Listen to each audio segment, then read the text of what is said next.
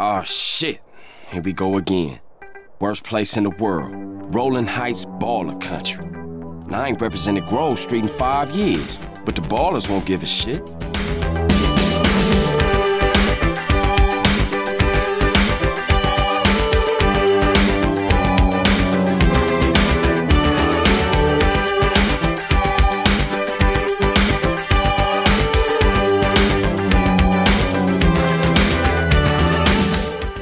Hej och välkomna till Späckat, en podcast om spel och allt runt omkring. Ni hörde rätt, det är Späckat som är tillbaka efter fem månaders tystnad. Jag heter Elisabeth och med mig har jag Tommy Tja! och Niklas. Tjena!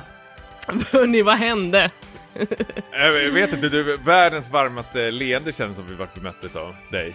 Vilken, Ja. vilken inledning, vilken, du har ju tugget kvar fortfarande, det känns helt underbart, det som man är hemma igen.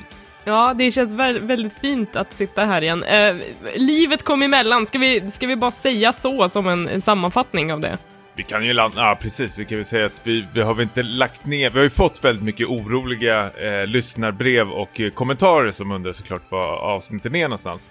Det har ju inte hänt någonting utan det är mest att eh, li livet har kommit emellan alla oss eh, fyra. Vi har allt från jobb till eh, privatliv och ja, det är egentligen.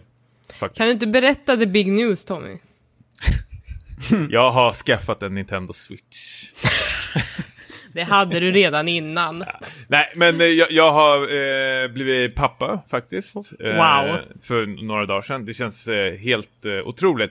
Jag lovade mig själv och eh, sa till er också när vi startade den här podcasten att om någon blir förälder så ska vi ge fan i att prata om hur det är att vara gamer och, vara förälder. För det är fan det tristaste jävla piss som finns att lyssna på när det är någon som säger Hej, det är alltid det farsor som har problem med det här också. Så här, Hej, jag är en farsa som inte hinner spela. Har ni tips på spel typ så här, som ni kan ge mig? Jag tycker då, det, det är en annan anledning till varför man slutar på en viss eh, spelpodcast. Men, Alltså- eh, på, på, förlåt, men på tal om eh, mansroller och eh, barn och sådär, får jag bara berätta en lite, det här är sista gången vi kommer höra Vänta, om den här bryter du mot din egen regel nu? Ja, ja men, men det, det, handl- det handlar inte om spel utan det handlar om själva Okej. födseln och eh, själv, själva... Eh, eh, ah, det är kul Okej. att höra om själva liksom, levereringen om man säga.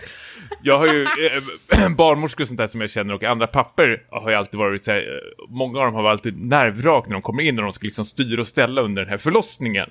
Så många av de här barnmorskorna försöker distrahera de här eh, papperna hela tiden så här, hörru kan du eh, kolla hur mycket klockan är typ för jag måste anteckna det till min journal för alla papper så här, den är 16.34 och har typ så här jättedyr GPS-klocka för flera 40 000 eller någonting sånt. Och jag är helt förberedd på det här på alla fördomar så jag tänkte så här, jag ska bara ta det lugnt hela tiden och vara så jävla cool och så kommer den här eh, vattnet går och vi åker in och jag är jättelugn, i huvudet har jag typ panik men jag försökte bara spela lugn hela tiden. Och så eh, lägger den här barnmorskan upp min fru på britsen som ska andas och sånt där. Och så håller hon i min fru och så säger hon så här. Eh, Tommy, tror du kan göra mig en tjänst? Kan du kolla hur mycket klockan är? Och jag bara yes, nu kommer den. Så jag bara, hörru, jag vill bara berätta för dig att jag är helt lugn, jag, jag, är här för att hjälpa till, jag behöver inte, jag vet spelreglerna, jag har hört det här förut, så ni, ni kan lita på mig. Och då släpper hon bara min fru och tar upp armen och så säger hon Eh, halv tre, tack för hjälpen Tommy. Och så skriver hon det i jag, jag har aldrig känt mig så liten i hela mitt liv. Ja. Redan då var det ett jävla fail. Men, Inte ja. ens då kunde du göra, Inte you had one då. job. Ja, precis. Jag skulle bara säga tiden. Det är misslyckas bara babbla om massor med saker. Min, det är lugnt. Jag, jag, jag, är, jag är man och är här. Typ. Men eh, st- stort eh, kudos till alla barnmorskor och sånt där. Fy fan vad bra de är alltså. Fem plus Ja. till er. Och stort kudos till dig gamerpappan som några dagar efter födseln sätter dig och spelar in tillsammans med oss. Otroligt. Ja. ja, precis. Man tar en för eh, gänget. Ja. Hur är det med er? Ni har väl också mycket i livet? Niklas, allt från Tinder till att hitta tjej också. Ja, men... Eh, Tinder är ett avslutat kapitel. Ett avslutat kapitel, härligt. Ja. Eh, nej, nu, nu har jag flyttat hemifrån också. Eh, Och jag har varit på utlandsturné med mitt band Lost Domain. Det tycker jag är skitcoolt, för ni har varit i Rumänien.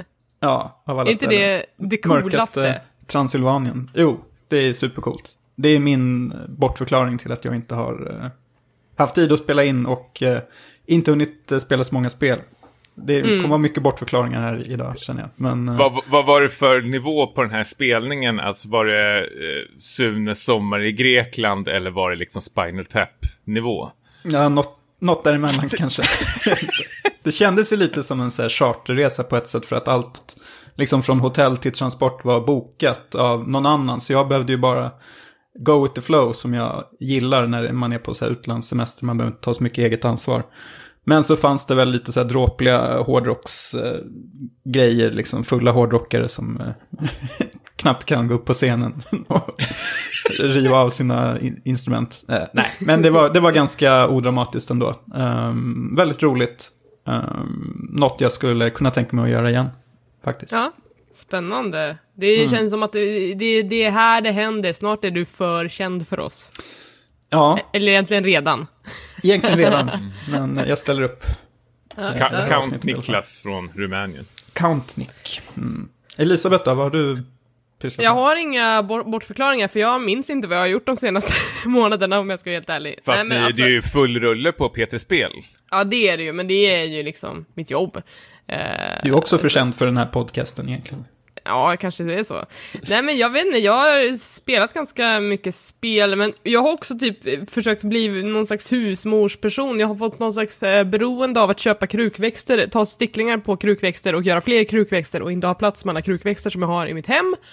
Eh, och sen så har jag börjat laga väldigt mycket mat och typ står och bakar och grejer. Jag vet inte, jag försöker hitta tillbaka till ett enklare sätt tror jag. Fast det är Men du inte har så mycket enklare. lagt undan den här vovmaten nu, eller riktig svennebananmat nu? Ja, vovmaten har hamnat på hyllan därför att jag också försöker anamma någon slags mer vegetarisk kost. Okej, Och det är ja. så här väldigt mycket kött i den där kokboken och då, då blir det lite svårt. Eh, jag kanske återvänder till den för att göra lite drinkar och sådana grejer, för det, var, det är typ det enda som har varit bra i de här kokböckerna. Eh, så att ta någon, någon härlig, eh, jag vet inte, tauren-drink på balkongen, det kan, det kan jag göra.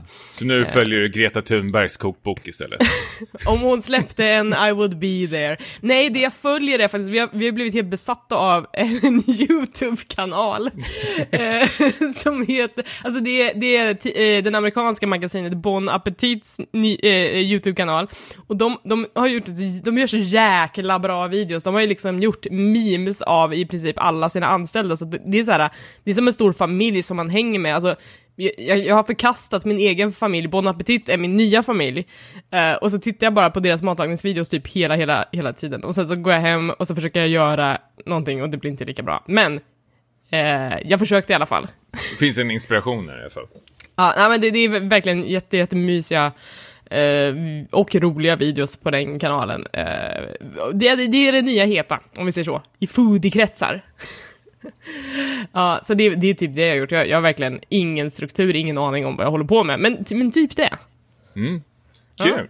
Vi ska väl hälsa och säga att, eh, eller vi ska väl säga till lyssnarna att Per hälsar så mycket och Per har väl eh, pissmycket att göra eh, på Mojang. Ja, Minecraft har ju precis fyllt 10 bast eh, och de har gjort en massa roliga avtäckanden och specialgrejer inför det bara, så att jag tänker att det, är full rulle där borta. Precis. Kan ju följa honom på Twitter om inte annars så får ni se vad som händer där. Eh, Ät Per Landin. Precis. Har ju väldigt Ja. mycket att göra. Han hälsar. Lite så då. Precis. Ska vi kicka igång det här nu? Ja, absolut.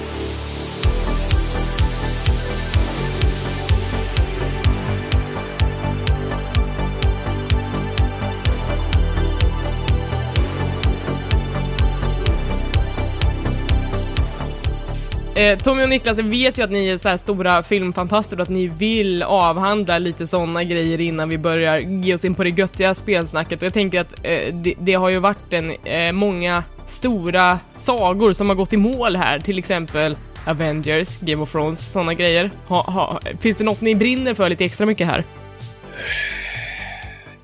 Suck. Nej, inte suck. Det var mer, jag, tänk, jag tänker, jag, har- men jag har ju följt eh, båda slaviskt ska vi säga, alltså Avengers, vad säger Avengers, men Marvel-filmerna samt Game of Thrones. Game of Thrones brinner jag väl lite mer för, men jag är väl inte så superfan utav det. Eh, som nu senaste säsongen så väntade jag ju till alla avsnitt släpptes och såg jag bara allting på ett bräde. Jag lyckades Hur ducka. eh, spoilerkänslig har du varit då? Nej, inte så jätte... Alltså när det kommer till så man fattar... Alltså jag har ju sett lite memes, typ såhär, komma för, förbi en, men man fattar ju inte dem. Man har ingenting att relatera till liksom. Nej. Eh, så jag, har ju, jag följer ju vettiga människor på både Instagram och Twitter, så det känns som det, jag klarar mig rätt så bra faktiskt. Eh, Mm. Och om jag skulle bli spoilad så, jag vet inte, det känns så, det är själva resan jag är mer ute efter än, än eh, slutet på Game of Thrones. Mm. Eh, faktiskt. Eh, jag kan ju säga att jag är ju inte en av de här upprörda, eh, det har ju varit någon slags masshysteri över den här eh, säsongen. Jag vet inte, ska, vi, ska vi gå in på det lite snabbt? Ni, ni följer ju också Game of Thrones, antar jag? Ja, det, det har jag gjort. Jag har ju kollat på, på varje avsnitt så fort det har kommit ut. Eh, och ibland har jag varit så känslig att jag har kollat på det på morgonen samma dag så att jag kan gå och vara på internet. För, jag menar, jag jobbar ju med, mycket med nyhetsresearch så jag måste hänga i sociala medier där jag vet att det kan komma såna här eh, feta spoilers så att jag bara blir trött. Ja. Du då, Niklas? Mm, jag, ehm, det kom ju ut typ, jag tror Avengers Endgame och Game of Thrones. Det, det, var, det kom ju ut där ungefär när jag var ute på turné va? Ah, Så jag, jag tror jag tog bort, jag tog bort eh, Twitter till och med för jag kände att eh, det är lika bra att plocka bort det där tills vidare. Sen har jag inte installerat det igen faktiskt. Så, Ja, skönt eller? Ja, det är ganska Twitterappen är död, för fan gött. ja, nej det var ingen stor förlust. Ehm, men jag, jag har annars liksom, Game of Thrones har jag sett eh, direkt när det har kommit om jag har haft möjlighet. Uh, Avengers Endgame däremot eh, uh, väntade jag lite. Det är ju också ganska mycket så här uh, spoiler-tung historia. Som vi inte ska spoila här, men uh, om man säger det här med att brinna för någonting så jag har ju brunnit för Game of Thrones väldigt mycket liksom genom åren, men eh, kanske inte lika mycket för de här avslutande två säsongerna. Eh, medan Avengers har jag väl känt mig lite ljummen inför, eller Marvel då. Men tycker att eh, den, om man säger eran, har väl eh, tvärt emot vad Game of Thrones har gjort ändå avslutat med flaggan i topp. Eh, för jag tycker nog att eh, Infinity War och Endgame är de två bästa filmerna av de här 22 som har kommit ut. App, app, app, app, app, app. Ursäkta? Får jag sticka in med en, Varsågod. Får jag sticka in med en sak? Jag, jag är inte så jätte, är det, Marvel-fan, men jag har ju ändå tryckt eh, in, eller tryckt alltihop och tittat på det. Men helt plötsligt så kommer den här jävla Spider-Man-filmen Into the Spider-Verse som har ingenting med Marvel Cin äh, vad heter det? Cinematic Universe att göra. Och typ knäcker skiten ur det. Mm. Fy fan vad bra den är. Åh, Spider-Verse är så jävla ja, Den bra. är helt löjligt bra. Jag är så här... De Avengers-filmerna eller de andra filmerna som jag ändå gett så här 3 plus, de som är ett liksom, bra betyg till, då är 3 plus bra för mig. De, de, de här, alltså Spiderman-filmen kör ju över dem helt och hållet tycker jag faktiskt. Det är sånt otroligt tempo och bra dialog och härliga karaktärer. Så jag undrar, jag, Ja, herregud. Men jag, jag tyckte så här, fan ska man inte bara reboota hela eh, Marvel-grejen och göra allting animerat istället? Skulle jag Alltså känna mer den, för. den studion som har gjort Into the Spider-Verse, de får gärna göra alla filmer någonsin framöver, känner jag. För det var ett så otroligt hantverk, så otroligt mycket känsla, så otroligt mycket själ i den, den filmen. Det är en Eh, sån- för jag har bara sett den en gång, men jag vill absolut se den eh, en gång till. Eller det ska jag Mm. göra till med. Eh, det känner inte jag alls för typ Avengers-filmer. Och då tyckte jag, jag håller med Niklas, Endgame och eh, Infinity War är, är väldigt bra filmer för att vara Marvel-filmer. Men eh, jag tycker Mm. Ja. att den här Spiderman-filmen är, eh, jag vet inte, tusen gånger bättre. har du sett faktiskt. den, Niklas? Nej. Nej. Eh, Men och såhär, och såhär, och såhär, verkligen inte mening att regna på, på paraden, för att jag tycker också att, att Infinity War och Endgame var flaggan i topp för serien. Alltså, det är ändå som att Marvel har jobbat fram en formel som, som är lite vad den är, och att få ihop alla de här karaktärerna i två avslutande filmer och ändå knyta ihop det hyfsat bra som de ändå gjorde. Det är ett jävla hästjobb de har gjort och, och jag gick därifrån absolut. och var nöjd liksom. Men, men om man ska se till själva verkshöjden så är Into the Spider-Verse någonting helt annat. Jag tror vä- väldigt mycket med Into the Spider-Verse var också att jag hade så otroligt låga förväntningar på den filmen. Även fast du fick jättebra betyg så tänkte jag ändå så här att det här har jag sett förut. De får jättehöga betyg eh, och sen när jag väl ser dem på bio så sitter jag bara där och är förbannad. Så jag skiter i att se den här på bio och väntar tills den kommer ut på video on demand. Och så hyrde jag den och var typ så här, okej, wow, jag har verkligen missat någonting. Det här ångrar jag att jag inte såg på bio faktiskt. Eh, vilket skulle kanske ge ännu härligare filmupplevelser. Men ja, nu fick lära mig Ja, av den hårda skolan. Så, eh, super, supernöjd är jag. Så jag, det, jag håller absolut med dig Elisabeth. De här får jättegärna göra resten av Marvel-filmerna faktiskt, den här studion. Mm, ja, det, välförtjänt Oscar också, för det, det blev Mm. ju den filmen belönad med. Jag hoppades verkligen att den, de skulle kunna bräcka Disney och det gjorde de med eh, råge, tycker jag. Mm. Eh, men om... Så oförutsägbar och allting var den. Ja, men inte alls verkligen. vad jag hade den. Den var skitbra, välskriven och allting. Jättetufft. jag faktiskt. skulle kunna rekommendera den till vem som helst. Absolut. Um, men om vi, om vi backar bandet lite grann då, um, om Vi det inte är någon som har något mer att säga om Endgame så kan vi gå tillbaka till Game of Thrones kanske. Ja, Absolut. Mm. Uh, alltså jag, jag, jag känner ju av samma sak som alla andra gör, att den här säsongen har varit lite loj, den här, det går lite för fort i svängarna, man, man får inte lika mycket av det där som man tyckte var göttigt i de första säsongerna med intrigerna eh, bakom, bakom kulisserna, eller vad man ska säga. Men samtidigt så, det är inte där serien är nu, det är en upplösning på något sätt. Så att jag, jag, jag har inte skrivit under på några protester om att hela säsong 8 ska filmas om, för det är så här, det är vad det är och eh, jag tror också att det, eftersom det inte finns ett, lika mycket grundmaterial så är det ju omöjligt att, att jag vet inte, ha en konsekvent ton genom hela serien. Jag tänkte bara, jag undrar varför väldigt många är så förvånade eller förbannade över det här. För det var väl det här byggde upp till hela tiden känns det som. Ett Ja. stort liksom, slag mot slutet. Eller i alla fall det kände jag redan från typ så här, tredje säsongen till och med. Att det, det, förr eller senare så kommer de här alla, eh, vad fan kallar man för? Ja men de olika sidorna kommer ju drabba Ja, samma, precis. folk kommer visa sina sanna ansikten, alltså det är det, det är också klart att så här, det var många som, som, det var många twister som folk bara nej men varför gjorde den karaktären sådär? Och man bara, fast det har vi väl ändå bäddat för ganska länge nu liksom. Ja, men vad hade de tänkt? Att de skulle prata omkull varandra? Eller? Jag fattar inte. Ja, lite Mm. så. Nej, men så här, det, det är klart att det inte är den bästa säso- säsongen, det fattar jag också, men jag, jag samtidigt också Skönt att det är över först och främst, det är nog min nummer ett känsla när det kommer till Game of Thrones. Men också att så här, upplösningen ändå, jag köper den, den är helt okej. Eh, Ja, jag, jag är ju super... Eller liksom, jag är inget Game of Thrones-fans, återigen. Jag, jag känner det här är jättebra och det har varit bra hela tiden. Jag, ty- jag tycker det har hållit samma nivå eh, hela serien faktiskt ja, jag- jag har svårt att skilja- Men, eh, ja. Jag har jättesvårt att skilja de här säsongerna mot varandra. Jag tycker att de har pratat i fem säsonger och slagits nu sista säsongen. Det, det, det, om jag ska summera Game of Thrones. Eh, Tommy, du och jag möttes på en eh, filmpremiär. öga mot öga. Öga mot öga. jag visste inte att du skulle dit, eh, men vi var och såg Detective Pikachu. Ja, Eh, precis. Den nya Pokémon-filmen. Och Du, jag och är- hundra skrikande barn. Ja, det Nej. var verkligen så. Nej men, eh, eh, det är ju en liten annan, eh, en liten annan grej. Jag vet inte liksom hur, hur var dina tankar inför den här filmen? Eh, inte alls så jättehöga faktiskt. Jag, har pratat om det förut. Jag var ju uppvuxen med Pokémon. Jag spelade väldigt mycket Pokémon de första spelen. Eh, jobbade som Pokémon-tränare utanför det. Står fortfarande med på CVet. Ja. Stark story. Eh, Så jag tror det skulle vara någon slags hommage till mig i filmen, men eh, kunde inte hitta det. Eh, men jag hade, jag såg det med min fru och vi, jag vet inte, vi började ju fnissa igenom den här filmen. Eh, inte för att den var rolig, utan den, den jag vet inte om du tänkte på, de är helt sjukt grymt eh, animerat, särskilt Pikachu. Men jag tänkte när statisterna skulle, det, vi upptäckte det snabbt, skulle interagera med Pokémon, särskilt mot slutet eh, mot filmen, så ska de hålla på och klappa Pokémons.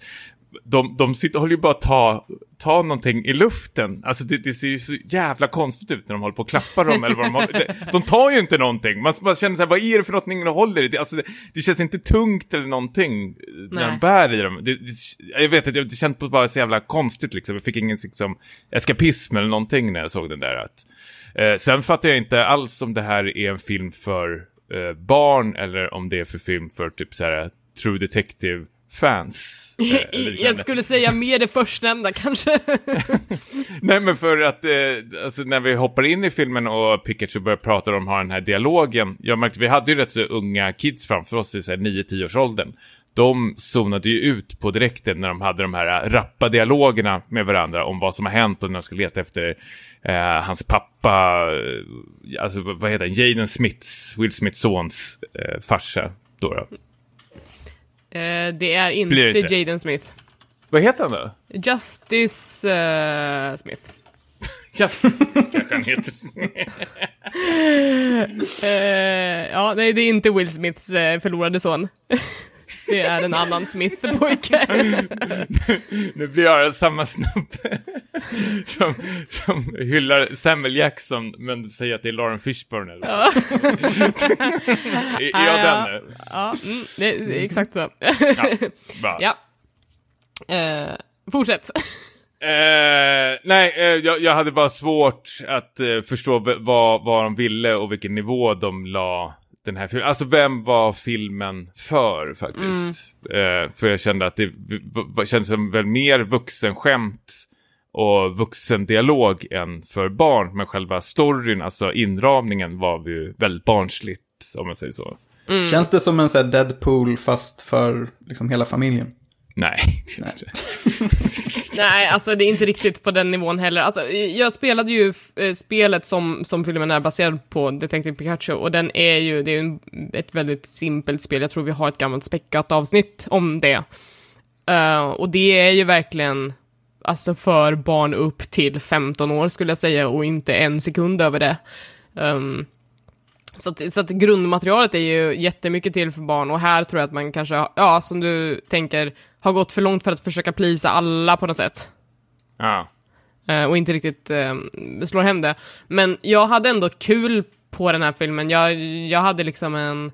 Det var ett mysigt spektakel. Jag tycker om Pokémon, alltså franchiset. Jag har ju jätte, jättestarka känslor för det och jag tyckte att de ändå behandlade franchiset med väldigt mycket respekt och att det kändes som att de hade gjort sin research, att monstren kändes ungefär som de skulle. ehm, och att världen kändes ganska mycket som den skulle. Ehm, så att jag, jag, jag, jag tänker att det skulle vara kul att se mer och vad de kan göra av det här i framtiden. Ja. Ja, äh, jag vet Du är inte lika intresserad. Nej, jag, jag, jag tycker att man kan, nu när man har sett eh, kanske eh, Lego-filmen och Spiderverse, alltså när man tar eh, gammal nos nostalgiska saker och gör någon slags spelfilm utav det, så vet jag att det, det går göra det mycket bättre, roligare och liksom inkludera alla åldrar eh, och grupper på mycket, mycket snyggare och bättre sätt än vad eh, Pokémon-filmen gör faktiskt. Jag, jag tycker att man kan eh, kräva mer. Och sen förstår jag också att det, det blir väl lite nostalgi kanske om man sitter upp, och är uppväxt med det här. Men fan, ja. Jag ja, vet nej, men det, alltså, det, det är ju inte Jag tycker att det en homerun som Spider-Verse, absolut inte. Men, men här, jag, jag är ändå inte så besviken på den här filmen som jag skulle kunna ha varit. Nej, alltså om man ska dra från alltså, spel som har blivit film så är det väl här en av de bättre faktiskt. Ja, absolut. Eh, Men samtidigt så, vad, vad har vi att jämföra med? Ja, jag tänker att vi är en så himla misshandlad biopublik, eh, spelfans, så att det är så, här, så att vi tar vad som helst som inte är bajs liksom. Mm. Eh, Verkligen. Lite där kanske det är. Eh, Jo, men vi, på tal om det så kan vi hoppa över till det på direkten. Sonic-filmen har ju fått sin, eh, sin, sin trailer ju. Eh, Ja. Och för det första, mina tankar så här, vem är, det, vem är det som har bett om den här Sonic-filmen egentligen? Jag, där är samma sak i mitt huvud. Jag som spelade ändå spelen när jag var liten och uppskattade de tre första spelen, känner jag att jag, jag vill inte alls ha en Sonic-film. Faktiskt. Absolut inte så här. Nej, den är, den är också en svår, eh, svår cell för mig. Vi får se vad det blir av den. Den har ju blivit framskjuten tre månader nu eftersom de ska designa om Sonic för att han är ful. Ja, det känns jävla hemskt tycker jag Ja. egentligen. Att, kan de inte bara låta det vara? Liksom, Ja, Vems ömma Sonic-tår är det de trampar på egentligen? Jag är mest Eh. bara trött på att folk kräver att, att saker ska ändras hela tiden. Man bara, men det är inte du som äger den här produkten. Kan inte bara de som gör det få göra det här så kan du gå och göra din film liksom? Ja, Nej, jag alltså jag känner mer typ att eh, han får, han får se, Sonic får se ut hur han vill och de kan tolka honom hur han vill. Jag bryr mig inte för det kommer vara samma, alltså kontextmässigt kommer det vara i samma film egentligen. Alltså det förstör ju inget, ingenting för mig. Det, det här är ju samma människor som säger att när man har sett Star Wars-prologen att George Lucas liksom pajade ens eh, barndom liksom med eh, de prologfilmerna helt plötsligt. Man bara, gå och se dem har- igen. Ja, men vad fan, nej, de har inte förstört någonting. Liksom, ja, det är kanske en dålig film, men eh, då, så, sånt är livet, man kan inte få allting, tyvärr. Kör, nu kör vidare. Ja, gå och se en bra Eh. film istället då liksom. Ja, jag, jag tror, jag tror, så- alltså, när jag såg trailern, det ser ju superpajigt ut. Jag, många har ju hyllat Jim Carrey, men jag tycker, jag tycker även han ser jättetrist ut faktiskt. Eh, det, det finns ingenting i den här trailern som är, är något för mig som jag vill se eller någonting. Jag har inte ens bett om det, så jag, kom, jag kommer inte ens se det. Men jag, för mig är det också skitsamma om den här designen på eh, Sonic också. Jag kunde inte bry mig mindre. Jag bryr mig inte om filmen alls. Liksom. Niklas, Bryr du dig Niklas? Nej, jag har faktiskt inte sett uh, trailern, så Har du inte inte? Åh. Nej, jag har inte ens orkat gått så långt. Nej, jag orkar inte. You're in for a treat. Ja, vi får väl se. Får passa på medan de här tänderna är intakta då. Innan de gör om allt. Nå- Något däremot, jag är, om man ska ta eh, filmväg så... De här två, vad fan heter de? Eh, Catfish-killarna. Nu kommer jag inte ihåg vad de heter. De heter väl så här Ari Foster eller någonting sånt där. Känner ni till Catfish-dokumentären? Eller mockumentären? Nej. Och så det vart ju även en tv-serie på eh, MTV. Catfish är ju den här filmen, eller kallas för Catfish när man eh, utger sig för att vara en, en annan person. Eh, och då handlar det om den här dokumentärfilmskaparen, en ung kille då, som träffar en tjej på Facebook och ska träffa upp henne. Men så är det någon hemlighet där bakom. Jag kan tokrekommendera den här filmen och de har gjort skitbra filmer och ser de här två killarna. Och, och de ska göra nu eh, Megaman-filmen. Och där är jag är så här, ah, okej, det här kan bli intressant. För jag har sett vad de här har gjort innan och det eh, båda är ju väldigt gott vad det liksom kan bli. Alltså de har en, haft en väldigt hög standard på sina serier och eh, filmer de har haft innan tycker jag. Så det här Spännande. blir, ja, verkligen. Så det beror på lite vem som står bakom ehm, kameran och sånt och ska regissera. Jag menar Sonic-filmen, vem, vem är det som regisserar den? Så jag har ingen koll på det. Nej men det är ju typ en snubbe som bara har gjort en animerad kortfilm förut. Han har typ jobbat med CGI förut och sen så har han gjort en kortfilm och sen har han inte gjort något mer liksom. Uh, Nej, Han är och ganska det är grön kanske en inkörsport. Ja. Eh, men jag undrar också samtidigt hur så här, Sega och Paramount har liksom tänkt när de ska ha gjort den här filmen. Alltså vem, Mm. de måste är det någon enkät man skickar ut så här, vill ni se en Sonic-film? Det tror jag Och, inte. och varför? Nej, jag tror inte heller det. Alltså du, Sonic-spelen, det är ju pissdålig story. Är det inte bara Dr. Robotnik som så här, kidnappar massor med djur och har Jag med tänker, eller jag tänker att det de borde ha gjort är att de borde ha gett sig in i typ Archive of Our Own och grävt i den allra mörkaste Sonic-fanfictionen, helst med pornografiska inslag, och gjort en film på det. Jag tror att det hade varit mer intressant. Ja, men typ... Eh, ja, men Sonic och Tails är väl typ ett gäng lyxbögar som försöker komma ur heroinmissbruket eller någonting. Typ. Och sen kommer Knuckles och eh, precis. ett oväntat tredje hjul. Nej, Vi kom på en bättre Sonic. Exakt. Eh, jag tänk, på, på film och tv-spåret så tänker jag eh, bara rekommendera liksom två serier som har varit så himla himla bra. Uh, She-Ra and the Princesses of Power och The Dragon Prince på Netflix, de två tecknade serierna. Um, jag tror att The Dragon Prince-gänget är, sam- eh, några av samma personer som gjorde typ Avatar The Last Airbender, alltså en av de absolut bästa tecknade serierna någonsin. Um, och eh, jag vet inte, jag- båda de två serierna har släppt sin säsong två nyligen och de är verkligen svinsnorbra. Alltså, vill man ha Eh, en spännande take på fantasy med så här väldigt bra karaktärer och bra karaktärsutveckling så är The Dragon Prince 100% jättebra. Och She-Ra är ju en reboot på den gamla She-Ra-serien och de har gjort en liksom väldigt mycket yngre, gladare och väldigt inkluderande, um, som också har så här, bara väldigt, mycket bra karaktärer. Um, så de har jag sett nyligen och verkligen, verkligen tokgillat. Mm. Ehm, Avatar kan man se på Netflixen. nej, jag tror att den är svår att få tag på kanske. Alltså det är ju såklart den första rekommendationen. Den måste man se Ja. först. Jag såg två, tre första avsnitten och fastnade inte riktigt för det. Jag har inte gett en ärlig chans, men alla tjatar ju om det. Särskilt var det väl någon som listade häromdagen de bästa typ sluten i Just det. Mm. serier eller någonting sådär. Och jag tror Avatar eh, kom väldigt, väldigt högt upp och då vart jag ännu mer intresserad. Undrar hur, vad, vad det är för någonting. Ja men alltså jag var lite samma sak, att i början så tänkte jag att, att, att Avatar var väldigt, ganska mycket barnslig och tänkte att men det här är en barnserie, att den här kommer inte komma med något djup, men den kommer med ett otroligt djup ju mer eh, storyn framskrider. Um, så inte, är inte lite när man ser Full Metal Alchemist för första gången? Att Jo, jo att lite så ja. också, att du, du, du behöver ge den några avsnitt för att det, det finns ett oväntat, väldigt stort djup och väldigt mycket charm i båda de serierna. Alltså Full Metal Alchemist är ju också kanon, Brotherhood-serien. Daddy, daddy. Sluta! Jag vill, jag vill inte komma hit för att återuppleva ett trauma, Tommy. Det är fan det hemskaste jag sett. Alltså. Ja. Nej, det är fruktansvärt. Det, och det är ganska tidigt i serien, så att liksom... Eh, Tittar man på Full Alchemist, Full Metal Alchemist, eh, kör fram till avsnittet med hunden och säg efteråt om du är såld eller inte.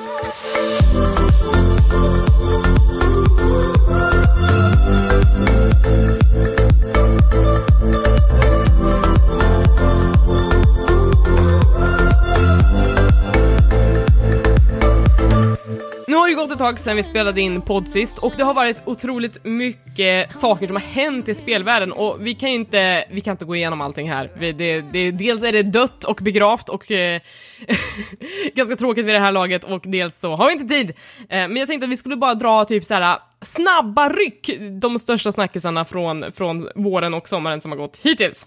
Eh, Kommer det vara eh, en av dem att jag har blandat ihop Will Smiths son mot en annan ja, jag får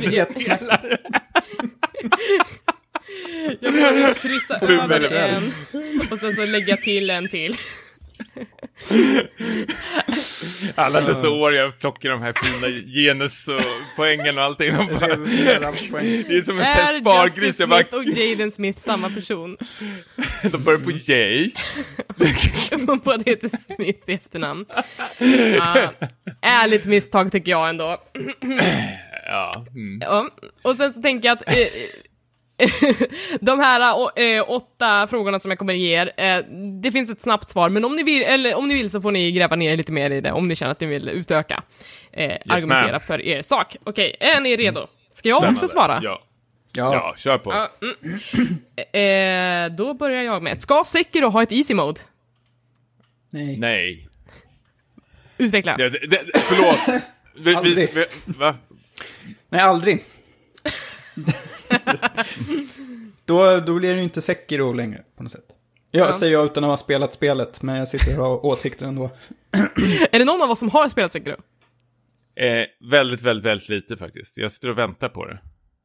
Ja, man säger så. Väntar? Alltså, jag, ja, men vänt, eh, jag, de här typen av spel måste man ha ett visst typ av sug för Ja. att spela. Eh, för, eh, jag körde ju om Nio för inte så jättelänge sedan, så jag känner att jag tar en liten paus. Jag är jättesugen på det. Jag Mm. har det till och med här hemma. Eh, det gäller bara att hitta rätt tid eh, och sånt. Men, Men, inte ett eh, easy mode. Absolut eh, inte. Eh, det här är ju en av de sakerna som gör mig så otroligt förbannad på spelvärlden och, och hur ung och den är. eh, Att liksom folk börjar... Att det här, det här blir riktigt ett tjafs på internet. Eh, att någon tycker att det, det ska ha easy mode eller inte, att folk börjar bråka om det. Alltså det, det är väl spelskapare, de bestämmer väl exakt hur de vill ha spelet och det är bara att gilla läget. Punkt. Eh, och så är det med det. Jag tycker det här är ju jättekonstigt att folk ska hålla på att kräva ett easy mode i spelet. Och, eh, när folk använder som argument att så här, ja men då kommer man inte kunna uppleva spelet. Att, att, och med då menar de att vissa kanske inte klarar spelet. Men grejen med de här Dark Souls-spelen och liknande spel är att du, du behöver inte klara dem. Utan det är, väl- alltså, meningen, jag har kompisar också som spelar de här spelen och eh, eh, älskar dem jättemycket men aldrig klarar dem. Utan känner mer att man är med om någonting och sen är man rätt så nöjd till en viss nivå.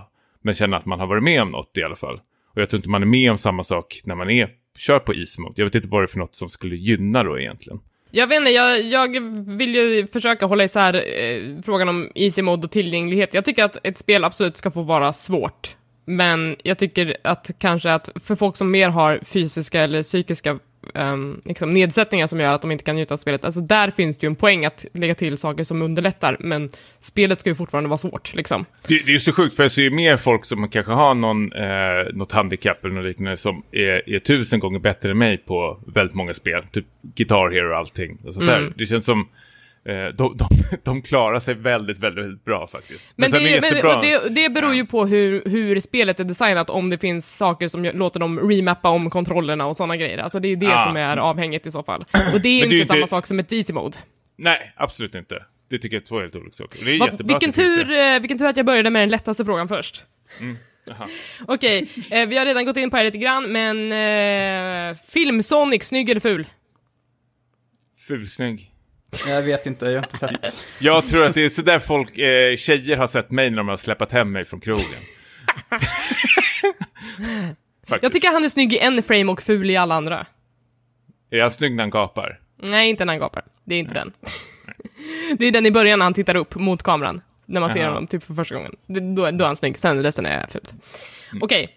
Google Stadia, framtiden eller inte? Eh, om det funkar, absolut. Du, Framtid. Men det du tror på streaming eh, av tv-spelen alltså? Att, att hårdvaran ligger någon annanstans och du får bara bildsignaler liksom? Jag vill att det ska funka, absolut. Mm. Jag är ju en sån som är emot kablar. Jag hatar det. Jag vill ha Mm. allting digitalt. Du vill inte ha en skiva? Du vill Nej. inte... Nej. Mm, mm, mm. Nej, jag uppskattar vinyl och, och sånt där, för det måste man göra i min ålder. Men eh, annars ska det vara eh, kabellöst. Jag älskar blåtand och wifi och allting liksom. Mm. Eh, så, se- sen, är ju, sen fattar jag ju absolut att vi, man måste ju ha ett helt galet internet för att det ska funka. Eh, men funkar det? Absolut, kör på. Jag är jättepå det. Niklas? Ja. Eh, Jag har nog inget emot det heller. Jag är lite mer så här, jag, jag tror att eh, det är lite olika saker, men Stadia skulle ju i så fall förmodligen komma med någon kanske typ av Netflix-modell då, tänker jag mig. Vi vet ju ingenting om betalmodeller eller sådana grejer. Nej, det lär Ehm. väl klarna så småningom. Men eh, för mig är det lite mer att eh, en, om vi säger en Netflix-modell, oavsett plattform, eh, det, det är mycket, alltså priset skulle spela en väldigt stor roll för mig. För jag att nu på sistone har jag spelat väldigt lite och det skulle kännas väldigt, ja, mycket kasta pengarna i sjön. ehm, att ha bara en sån här liksom, abonnemang som står och tickar Mm. och massa spel som jag ändå inte kommer hinna spela. Men jag vet inte om det riktigt har med Stadia att göra, men så, ja, Streaming och att ha en massa olika tjänster generellt. ja precis. Mm. Det är väl det jag är lite fundersam kring. Mm. Jag har inte bestämt mig riktigt vad jag tycker i frågan. Ehm, men det är väldigt spännande eftersom ehm, både Microsoft och Sony håller på och slår ihop sina påsar emot Google på något sätt. Alltså de har ju sagt att de ska ingå ett eh, partnersamarbete i, i med ehm, Microsofts Azure-lösning och eh, Sonys Playstation Now-streaming och så vidare. Så att alltså, det är dit alla företag går, så att vi får väl hoppas att de gör det tillräckligt bra så att även vi konsumenter kan ha nytta av det. Mm. Så Tänk det- på miljön. Ja, dessutom. Väldigt bra. Ja, precis. Ett riktigt Greta Thunberg-tänk där. Ja, jajamän. Ehm, Då blir Okej. SD förbannade också. Slipper man dem kanske i spelvärlden. bojkottar ni Epic Game Store? Nej. Nej, Det inga, fattar inte. Va, nej, varför skulle man göra det nu igen? Det är ju- För de är exklusiva, just det. det, är, det är väldigt mycket spridda skurar om varför man ska bojkotta Epic Game Store. Det ena är mer eh, befängt än det andra. Men, men till exempel att de köper upp de här olika exklusiviteterna, eller typ att det finns en massa konstiga processer som det startar upp på din dator som vissa hävdar är spyware, medan Epic säger det är inte spyware. Eller typ gud. att Tencent är delägare i Epic Games. Alltså, det, det är en miljard argument. Men, men Mm. Ja, nej. det mesta, alltså det, det allra högljudaste argumentet jag hör är typ Steam fanboys som säger det är inte rättvist. Jaha, nej, jag känner bara att det är väl schysst med lite konkurrens. Och det är någon som sitter på någon jävla monopol hela tiden. Mm. Eh, ja, jag vet inte, jag, jag, nej absolut, jag är för Epic-grejen. Mm. jag är för fler stycken. Jag tycker inte det här är så jättejobbigt att ha appar på, mitt, eh, på min dator. Nej, inte jag heller. Jag bojkottar inte heller Epic Games Store. Jag tycker också det är friskt med konkurrens. Um, Ja, Okej, det är samma. Jag, jag reggade till och med ett konto här innan vi började spela in. Och Ah! köpte två spel på Elisabeths inrådan för att det var rea. Så. ja den här rean är märklig eftersom Epic tar typ pengar ur sin egen ficka och lägger på en rabatt för alla. Men alltså, slutpriset som går till spelutvecklaren är fortfarande fullpriset. Ja, det funkade. De fick en kund till, eller vad man säger då. Va? mig. Vilka, vilka spel var det du köpte? Nu vart jag nyfiken. Jag köpte Observation, eh, det här nya eh, Ja. sci-fi thriller-spelet. eh, Och förköpte After Party. Alltså Ah. nya Oxenfree Precis. skaparnas spel. Uh, Okej, vilket streamspel har varit bäst under våren? Apex Legends eller GTA RP? Jag hatar GTA. Här grejen. Jag tycker det är fan det sämsta som har kommit ut i spelvärlden. Eh, Så jag säger Apex. Ja, Ja, jag säger också eh, Apex, eh, men to be honest, jag tittar inte så mycket på streams heller, så att, eh, det ska Nej, jag, mycket jag till. tror då. jag hamnade i förrgår på någon eh, stream, eh, svensk stream, och då le lekte de eh, ja, invandrarkids i ett korvstånd och, och skrek åt varandra. eh, Och alla bara skre skrek i munnen på varandra. Jag fattar inte grejen med det där, vad som är kul med det. Nej, det låter Men märkligt. Folk, pratar, nej, men folk bara pratar i munnen på varandra hela tiden när jag tittar på de streamsen. Jag tycker det är skittråkigt, jag fattar ingenting. Eh, vikingar i nästa Assassin's Creed, pepp eller depp? Eh, depp. Depp! Ja. Ja. Är vi inte värda samurajer nu? Jo, det är vi. Är inte eh, vikingar så jävla nära det som har varit tidigare? Känns som. Alltså svärd och Grekland. sköld. Jo men, jo, men jag tänker på utrustning och sånt där. Ah, Alltså att det är ah. så svärd, sköld och lite lustiga kläder. Och sen är det... Ja. Jag tycker det först och främst är väldigt likt God of War, att man rider på någon jävla bandwagon. Det känns som att man kan göra någonting annat. Så jag är också Mm. lite depp. Det känns inte som att vi har så mycket höga ton att hoppa ifrån heller, för den delen. Nej, jag tror, däremot tror jag det är så otroligt svårt att kanske göra research om eh, ostasi ostasiatisk eh, kultur med Mm. gudar och allting sånt där. Jag tror det är jävligt rörigt. Jag tror det är mycket lättare faktiskt för västländskt att hitta. Så, så kan det vara. Eh, tror ni att The Last of Us 2 kommer i år eller nästa år? Ja, men har inte en jävla spansk jävla tidning gått ut med det nu? Jo, jag vet. Det, det kom någonting idag som var typ en läcka om att det Ja. eventuellt skulle komma i år. Men vad tror ni? Ja, det säger jag nästa år. Nej, men jag tror nog att det kommer år och det här blir en brygga, precis som förra The Last of Us var, mellan eh, två konsolgenerationer. Mm. Faktiskt. Ja, men då, då är det ju inte det här året, känns det som. Om det släpps till båda jag, samtidigt. Jag, jo, men jag, jag tror det släpps i år till Playstation 4, men så, så släpps det även eh, en upphottad version Ah, att det blir en till, launchtitel. Playstation. Ja, precis. För att eh, nu kan du uh, eh, återupptäcka The Last of Us 2 igen, men i 60 FPS och typ 4K och bla bla bla. bla. Då har de en anledning att sälja om det igen, tänker jag. Mm. Till nästa konsol, om de är smarta. Ja, det känns som att det är mycket som talar för, både för och emot i år, men jag får väl säga i år, trots allt, eh, det var, eh, jag fick ju berättat för mig att, att, att, att eh, Naughty Dog eh, söker en person som kan hjälpa dem att typ avsluta projekt, för de verkar ha lite problem med det på kontoret. Eh, men ja, jag tror också i år. Okej. Ja, eh, för, förlåt, att men Nej, Sony först- måste väl ha ett, eh, eh, något spel i år och släppa, ja, eh, verkligen. jag med. Ehm, Det går, räcker ju inte med det här Days Gone äh, motorcykelspelet.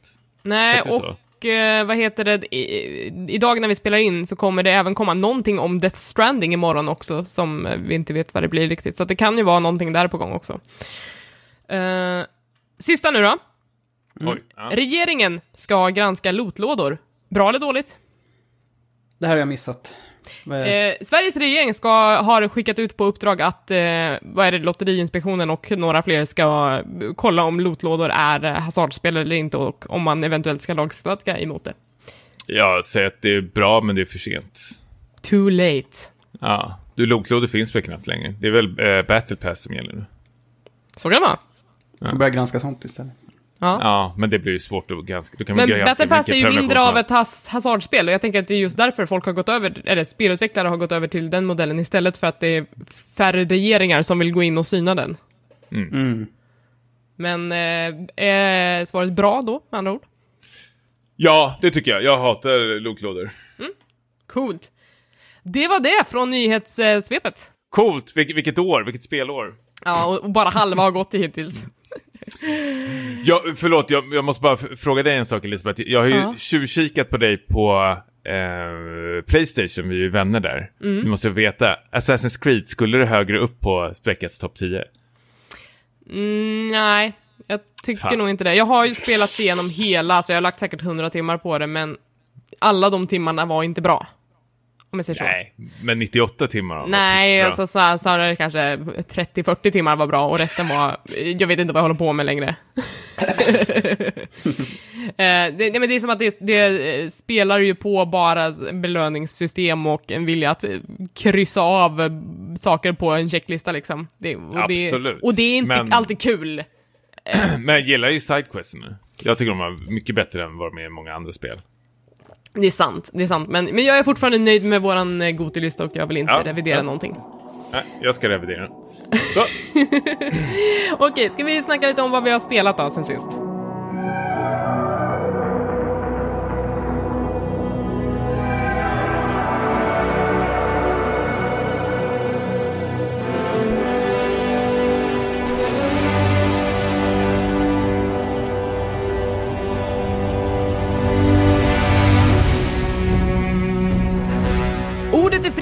Grabbar. Är det någon som har någonting man jättegärna vill prata om? Hur många av er spelar Anthem? Jag. Ska vi ta, ska vi ta tjuren hornet nu? Ja, vi Gör bara det. drar av På det här direkten. plåstret. Jag har spelat Ja. Anthem. Jag har spelat Anthem. Niklas? Hur gick det här? Nej, okej. Varför Skönt. har du inte gjort det Niklas? Nej, men jag tror att eh, det är ingenting för mig. Eh, och det har väl inte liksom rosat eh, marknaden heller. Eh, då, då skulle jag i så fall hellre spela The Division 2. Eh, om man kan ställa de spelen mot varandra. När det gäller liksom looter shooters. Eh, men berätta. Eh, nej, jag eh, har spelat. Jag har skaffat till och med ett sånt där... um, vad heter det? Origin Pass står det. Man betalar väl eh, 100 spänn, 120 kronor kanske. Så får man komma åt EAs katalog då under en månad. Och då ingick ju eh, Ant bland annat in det. Så jag och eh, tre vänner hoppade in i det och var... Eh, jag skulle säga faktiskt vi var väldigt peppade och kände att det fanns någonting där i början, säkert de tre, fyra första timmarna. Att det, det har en stil, det har en, liksom, en kontroll som jag tycker är väldigt coolt att man har ju de här jetpacksen eller vad det är för någonting, att man känner sig verkligen som Iron Man i de här spelen när man flyger runt med den. Jag tycker de har gjort det väldigt, väldigt coolt och bra, men det saknar eh, ja, content överhuvudtaget. Det finns ingenting där. Det är ju bara, det känns som Nordkorea, det är bara liksom kulissen överallt liksom. För, eh, ett, ett fuskbygge och eh, eh, samtidigt med det här eh, så släpper ju eh, Kotaku någon eh, lång liksom, artikel hur de har hållit på och brottats med den här eh, eh, produktionen och sånt där. Och jag vet inte, då börjar jag himla med ögonen ännu mer. Så det känns som varje gång det går dåligt för ett spel så ska man dra de här, eh, ska de här snyfthistorierna eh, komma fram hela tiden. Jag känner, det här gäller väl eh, vilket jävla spel som helst egentligen. Men så fort det går bra, till exempel Red Dead Redemption 2, då eh, klappar folk varandra om Fast det har väl inte varit klapp på axeln om Red Dead Redemption 2. Rockstar har väl också fått sig x antal kängor innan spelet släpptes om de där 100 timmars veckorna jag tycker att man har velat ge dem mer eh, kängor än vad de liksom har... Alltså de har ju hanterat det mycket bättre. Jag tycker att liksom den här positiviteten över eh, Red Dead Redemption har ju tagits emot mycket mer. Att man har sett över det hellre än att det har varit liksom ett spel med mycket crunch i. Eh, jag tänker på Anthem, jag har ju till och med följt Anthem nu på Reddit, subreddit. Och det, det är ju ett helvete där just nu. Alltså folk är ju helt tokiga och nu har de ju gjort precis som Bungie har gjort, att de går bara helt liksom, de är helt tysta. De har inte sagt någonting om det här spelet nu. De var ju väldigt Eh. aktiva till en början. Och, det, och Ja. så, som jag har förstått det så är det ju väldigt många nyckelpersoner i den här produktionen. Och då snackar vi producenter och regissörer som har flyttats över till Dragon Age 4-teamet. Um, så att liksom, Mm. de, de, de stora lirarna är inte ens kvar på Anthem längre. De har ju hoppat av skeppet och blivit förflyttade någon annanstans. Mm, men så är det ju väl med alla spel nästan. När de, har, när de släpps ut och det bara ska göra liksom eh, extra content där. Alltså Diablo och liknande spel har ju varit exakt, exakt Mm. likadant. Att de bara in ett annat team som får bara fylla på med content. Mm. För liksom eh, fundamenten står ju redan där. Nu gäller det bara liksom bygga Men när man tittar, men när man tittar på liksom, eh, det här grävet som Kotaku gjorde om just den här produktionen, då, då, då pratade de om liksom hur, hur alla team som jobbade på Bioware och så olika kontor fick släppa allt för att hoppa in på Anthem och nu måste de släppa allt igen och hoppa över till nästa produktion. Alltså det ju, känns inte, alltså som du säger, det är ju ett fuskbygge, det, det känns ju inte bara så, det är ju ett fuskbygge på många sätt och Mm. vis. Och nu riskerar Men- ju liksom nästa pro produkt att bli samma sak igen. Precis, och jag känner det här händer ju hela tiden. Alltså det här är ju ännu en anledning varför jag avskyr den här branschen så mycket. För den är ju så eh, otroligt ung och ny den här spelbranschen. Alltså folk verkar inte veta hur man ska bete sig på alltså, arbetsplatsen för det första. Alltså, vi har ju till och med bara Riot Games där liksom chefer går runt och släpper sig på anställda. Och plus att eh, Bioware liksom skryter om att de har någonting som kallas för Bioware Magic. Att allting går åt helvete i början, men sen i slutet då har vi det här eh, magin, sparkling, sparkling och allting typ löser sig. Fast det är ju inte magi, Alltså, det är om- ju människor som har fått sätta hälsan till. Jo, jo, men, men det är det här som är så... Det, jag, är ju, jag blir ju skiträdd när jag hör det här, alltså när jag hör liksom eh, höga människor, alltså folk med en hög position, sitter och skryter om det här, nästan som det vore något positivt. För jag känner om företag som jag arbetar på just nu, om de skulle säga så här, hej, eh, jobba hos oss Tommy, vi har någonting som heter nu ska jag inte säga var jag jobbar någonstans, men bla bla bla, sparkling, sparkling. Allting kanske inte går så jättebra i början, men det löser sig och nu kommer jag släppa mig i, i ditt ansikte. Alltså, det, det, skulle aldrig, det skulle aldrig, aldrig accepteras på min arbetsplats. Nej, aldrig någonsin. Men det är någonting med spelbranschen, att det är liksom så här, den här humorn och allting, det, liksom, det förvånar mig inte. Det bara är så i den här spelbranschen. Den är så jävla omogen och den, den, funkar inte riktigt än. Den har så många år kvar att utvecklas. Den är fortfarande sina bebisår märker man ju. Mm, ja men verkligen. Och, och liksom, samtidigt så, alltså techbranschen verkar ju ha en helt annan sorts flaskhalsar, och speciellt i spelutveckling, där det är liksom att om ett team inte är klar med sin grej, då sitter alla andra och rullar tummarna och kan inte göra någonting för att skynda på det liksom. Uh, och, det, det, och det är en sån grej som kan stjälpa en hel produktion och som är svårt att planera runt, eller så här, och det borde de göra, de borde planera runt att det blir såna här flaskhalsar lite då och då och liksom anpassa släppdatum efter det. Um, och så, så att folk inte behöver cruncha och liksom bli men jag tror, väldigt, jag, tror, ja, men jag tror också det är väldigt många som tycker det är kul, alltså så, uh, unga människor som är insatta i det här tycker det är skitkul. Nu ska jag inte säga att det är en bra grej, men att hoppa in i ett spelföretag och börja cruncha och köra på. Jag tyckte också mm. det var hur kul som helst när jag började med, eh, inom tv-branschen. Ja, när man är ny liksom, hungrig. Ja, ja, precis. Ja, det var hur kul som helst. Jag satt långa nätter och klippte och fixade. Jag tyckte det var skitkul och så fick man beröm och allting sånt där. Men sen börjar man blicka tillbaka, så vad har jag gjort egentligen? Jag har ju bara suttit slav åt ett företag. Alltså det är då det inte blir kul längre. Det är då man börjar frågesätta och det är då man börjar gå in i väggen. Mm. Och det känner jag att liksom att det, den här branschen kommer gå åt helvete om inte någon sätter ner foten väldigt snart. Alltså man skulle kunna lika gärna eh, jämföra en kanske med, jag, nu tar jag bara något företag, vilket som helst, Ikea eller Volvo eller vad som helst, något stort företag där de liksom släpper sig i ansiktet på anställda och håller på att bete sig så här. Det, det skulle inte funka, folk skulle bli tokiga faktiskt. Men det är något konstigt att när de gör det i spelbranschen så är det ändå, nu gör jag sådana här kanintecken, men kaninöron, men det är okej okay ändå. Man fattar att det händer. Och det tycker jag är så sjukt egentligen. Mm. Det, just det, den här pruttchefen på Riot, alltså det, det, hela situationen på den arbetsplatsen har ju dessutom lett till spelvärldens första strejk egentligen där eh, anställda på Riot gick ut och inte jobbade under två timmar. För det är en så lång strejk man kan ta innan man är rädd för att förlora jobbet tydligen. Nej, men det är också ja. så, det är, det är så sjukt, för den där strejken, ja. det, det, den, den gör ju ingenting kanske. Nej. Jag vet, för, förhoppningsvis så sätter den lite ringar i vattnet. Men jag, jag känner bara liksom, jag skulle gå till min arbetsplats imorgon och släppa sig på mina anställda i ansiktet. Jag skulle åka ut på direkt. Ja, då blir det HR-möte på två röda. Ja, jag skulle inte få jobba kvar. Absolut inte. Jag skulle åka ut på direkt. Det vore helt sjukt alltså. Eh, jag tycker det är så konstigt att liksom det här, den här pruttgrejen har liksom att man har liksom diskuterat om det är okej okay eller inte, om det är liksom lite humor i gruppen eller någonting. Det spelar fan, jag vet fan, jag tycker det är så jävla sjukt. Och det är det jag menar med den här branschen och Bioware nu blir ett sånt, liksom, ännu ett exempel att liksom det, det är en sån jävla ung bransch, tyvärr faktiskt. Så jag förvånar mig inte längre, jag blir mest bara trött Mm. Alltså jag blir, jag, jag också, alltså det, det är så mycket dålig smak runt hela Anthem-projektet, att när man spelade det så kändes det som att det finns några grejer i det spelet som du säger, combat, att, att flyga runt, alltså det här är ju den bästa combat Bioware har gjort i något av sina spel. Det mm. kan jag vidhålla med äh, liksom stor, stor säkerhet. Men, och det finns liksom moments i den här äh, korta, substanslösa storyn. Det finns liksom vissa ögonblick där, där, man, där det skiner till och man bara, ah, här är det jag gillar med Bioware. Men det är liksom för lite och det är för sent och det är för dåligt liksom. Mm.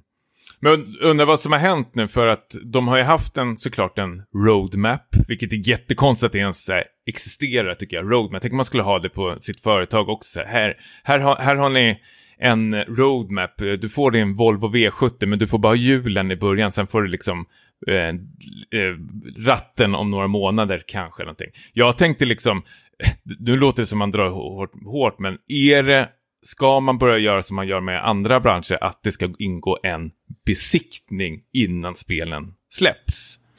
Kanske. Jag vet inte. Jag, jag har bara tänkt på det liksom så här. Det, i, I min bransch där jag jobbar, då har vi alltid besiktningar. Det, det, det, ska komma någon jävla galning från ett annat företag och godkänna och se så allting är okej. Okay. Att liksom det här följer eh, lag och stagd och det här är liksom, eh, ni, har, ni har gjort det på ett liksom schysst sätt liksom. För att jag tycker inte att Anthem ska ta det priset det tar, alltså vad är det, 4 till 600 kronor beroende på om du köpte PC eller konsol, Mm. eh, för det man får. För du får inte ett helt fullt spel faktiskt, och nu, just nu vet vi ingenting vad som, vad som händer med Anthem, för det är helt tyst där. Och jag fattar ju att de är tysta också, för det enda de får på Reddit och Twitter är ju skit hela tiden. Så varför ska de öppna sig ens? Men det, Mm. Ja. det, det är en så jävla konstig situation tycker jag. Ja, men det, det känns som en, bara en väldigt trist historia hela grejen, för att det, det var som att det känns som att hela EAs eh, år vilar på det här spelets axlar liksom. Att, eh, nu gör det inte det, det kommer ju liksom ett Fifa och det kommer ju det här jävla Star Wars-spelet och sådana grejer, så de är säkert fine, men jag tror att de hade väldigt stora förhoppningar på att det här spelet skulle leda till ett riktigt kassaflöde Men- liksom. Men det har ju sålt jättebra nu. Det har Ja, sålt och, det, och, och, liksom, och det, det, det kommer säkert gå jättebra, men det som kommer leva kvar från det här är ju dålig PR liksom, för både Mm. EA och för, för Bioware. Och liksom. Jag tror att det kommer För- att skada mer. För där kan vi snacka verkligen att The Division 2 red på en eh, jävla lyxvåg där. För det Ja. släpptes ju bara någon vecka efter Anthem. Mm, och var typ klart. många- Ja, och, jag, ja, och det är verkligen inget perfekt spel, The Division 2. Det är långt ifrån liksom ett eh, mästerverk. Men när man jämför det eh, med Anthem, alltså när det ligger så tätt in på varandra och man hoppar över till Division 2 så var det ju som att andas frisk luft och därför tror jag det var så många som uppskattade Division 2 så mycket mer än vad det egentligen kanske förtjänar. Enligt mitt tycke är det. Eh, Och, och det, var, det är liksom såhär, jag, på, å, å ena sidan så kan jag himla med ögonen åt Div- Division-utvecklarna som sa vi sätter endgame först, wow, wow, wow. vi har utvecklat det här med endgame först. Och man bara, ja, ni är supertöntiga. Men sen så visar det sig att det har ju faktiskt gett, det har ju faktiskt gett någonting att de har gjort det. Att folk tycker att spelet är kul från dag ett, liksom. Ja, Ehm. Nej, men de har gjort ett helt eh, grymt... Alltså det, det är ett bra spel, absolut. Men då har de ändå haft ett spel på sig eh, samtidigt. Det har ju funnits en Division 1 också. Eh, som bygger på samma spelmotor, samma grundprincip och allting. Så de har ju haft fundamentet bara. Man har satt en tvåa nu efteråt och eh, byggt på det som var bra och tagit bort det som är dåligt. Men det känns också som att de har ju verkligen så här lärt sig, alltså jag har inte spelat The Division 2 utan nu är det bara saker jag har tagit del av när jag har läst om det och pratat med människor om det, men det är som att mm, Massive-gänget i Malmö verkar ha gjort det som ingen annan av de här looter shooter-utvecklarna verkar kunna göra, vilket är att titta på vad gjorde vi förra gången, vad gjorde vi fel och hur ska vi göra det bättre? Alltså jag menar typ när liksom Anthem har kommit ut, de har inte liksom lyckats snegla på någon av de andra spelens snedsteg och De- Destiny 2 släpptes som en sämre version av Destiny 1 liksom. Alltså det, det känns som att ehm, The Division har gjort sin läxa på ett sätt som många andra sådana här spel inte gör. Ja, eh, absolut. Och det var därför jag tänkte på det här återigen med besiktning. Ja. Det, det, men det låter helt sjukt att det, man ska eh, besikta en, en, eh, något som är inom populärkulturen. Men det händer ju väl även i filmvärlden, att man har en testpublik där till exempel. Ja, och Eh, sen så du tar de in väl- såna här manusdoktorer som måste rädda ett manus som är åt helvete liksom och... Eh, precis, eh, och, och jag tänker även i bök, eh, böcker och sånt där har ju samma sak också att folk eh, korrekturläser och allting Mm, sånt där. har ju en det är helt redaktör Mm. fruktansvärt att få, ja. Eh, och, och det, där känns det som spelvärlden har mycket och nu, fattar jag att man inte kan ha någon slags besiktning, men något i den stilen att det är någon som liksom säger det här kan inte ni ta 600 spänn för, för Mm. det här är inte ett spel. I så fall måste ni skriva det. Jag har också en, en tanke om det här och, och det som gör hela den här modellen så himla ohållbar och det är att det är så många av spelföretagen och speciellt de som är mest drabbade som är börsnoterade. Att ehm, för ett- börsnoterat företag har ju aktieägare och aktieägarna vill ju se liksom ett ökat värde på deras investering hela tiden. Det måste gå upp, upp, upp. Eh, men, men spelbranschen är ju så svår eftersom det hänger på en produkt kanske varje halvår. Alltså det finns ingen pågående verksamhet för många av de här företagen som hjälper till att hålla vinsterna jämna och, och liksom en stadig liten pil uppåt. Eh, utan att det hänger så mycket på varje produkt att den ska bli en succé, annars går det åt helvete liksom. Att, att spelmediet funkar som det är idag inte för att finnas på börsen och ha den här sortens press på sig. Um, om man inte är typ Tencent, om man inte är typ ett företag som har en en free to, to play-modell som går skitbra liksom. Alltså, um, det, det är inte för alla, att jag tror att man, man borde titta på att ta in investeringar och pengar på annat vis faktiskt. Um, för det, det, det är ju liksom, i slutändan så är det liksom de här stora börshajarna som, som, som uh, fallerar. Vad tror ni om reklam i spel? Finns Då väl menar jag inte så pop, nej, men jag tänker inte på så pop-up, utan man kanske, eh, man spelar Fortnite och så kanske man springer runt i skogen och pjum, pjum, pjum, och så är det en Coca-Cola-automat. Fast det är ju typ det redan, de, de gör ju reklam för skor nu i Fortnite. Just det, Jordan ja. Ja, det är, Ja. det är redan en verklighet liksom. Ja, ja men det är ju supersmart. Ja, och så här, Epic har ju liksom en, en grej som funkar. Eh, Det är inte Ja. det. Men, men när, när man ser företag som EA och Activision som är så här, vi måste lyckas med det här, det här kvartalet, vi måste få ut ett spel det här kvartalet, och då, då är det ju så att då, då är ju inte spelet först, då är det ju intäkterna först någonstans. Ja, men om de ska gå vara så börskåta och aktiekåta, då ska man väl aldrig tänka kortsiktigt, utan det är väl nyttigast att tänka långsiktigt hela tiden, eftersom allting som marineras och växer. Eh, och då måste man även tänka kanske långsiktigt med ett spel också, för annars kommer det inte funka, tyvärr. För spel måste stå på någonting hela tiden, och det gäller ju även aktierna också. Eh, Så om du har ett kortsiktigt spel så har du kortsiktiga aktier. Exakt, så att, eh, ja, jag vet inte, det, det, det känns som att, som du säger, att branschen är ung, den har inte hittat rätt ännu, det är få företag som gör det liksom på ett hälsosamt och bra sätt. Mm. Ehm, så vi, vi är inte där än. Nej. Niklas, vad, har du något att tillägga? Nej, Ska, ska, du spela Anthem nu Niklas? Har du sålt in? Jag måste väl testa. Nej, jag är mållös eh, efter det här. Men, dessutom, men, eh, jag är ju däremot ganska pepp på The Division 2, jag tror att jag kommer att testa det innan året är slut.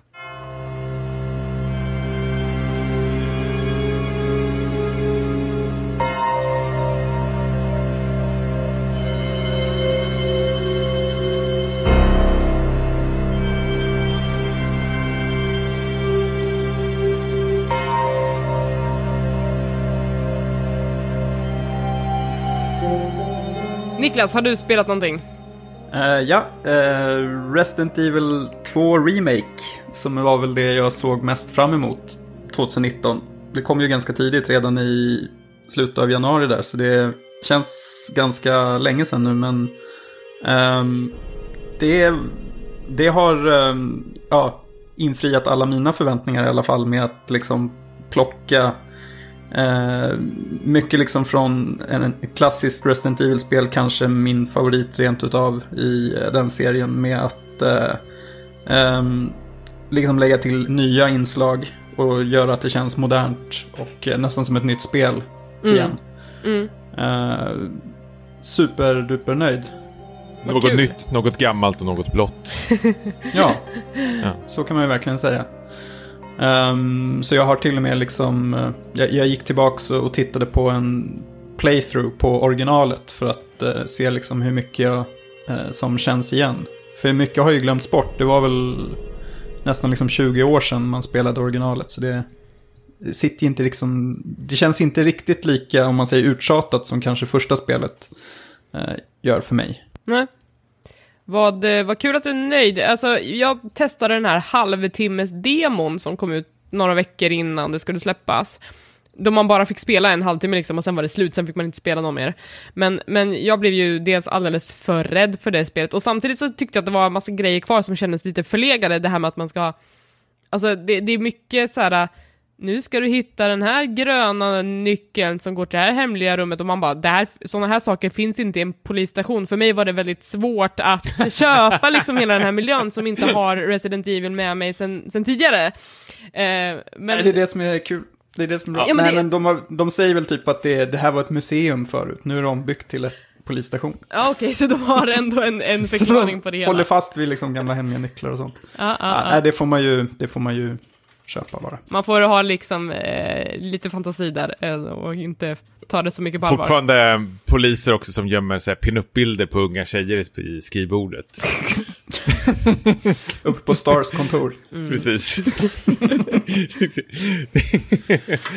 eh, helt otroligt. Ja. Men när det är sådana här remakes, när man har spelat sådana här lågpolyspel som, som låter ens fantasi fylla ut mellanrummet mellan pixlarna liksom, eh, blir det störigt att se de här karaktärerna i HD för att de inte ser ut som man tänkt sig, eller ser de precis ut som man har tänkt sig?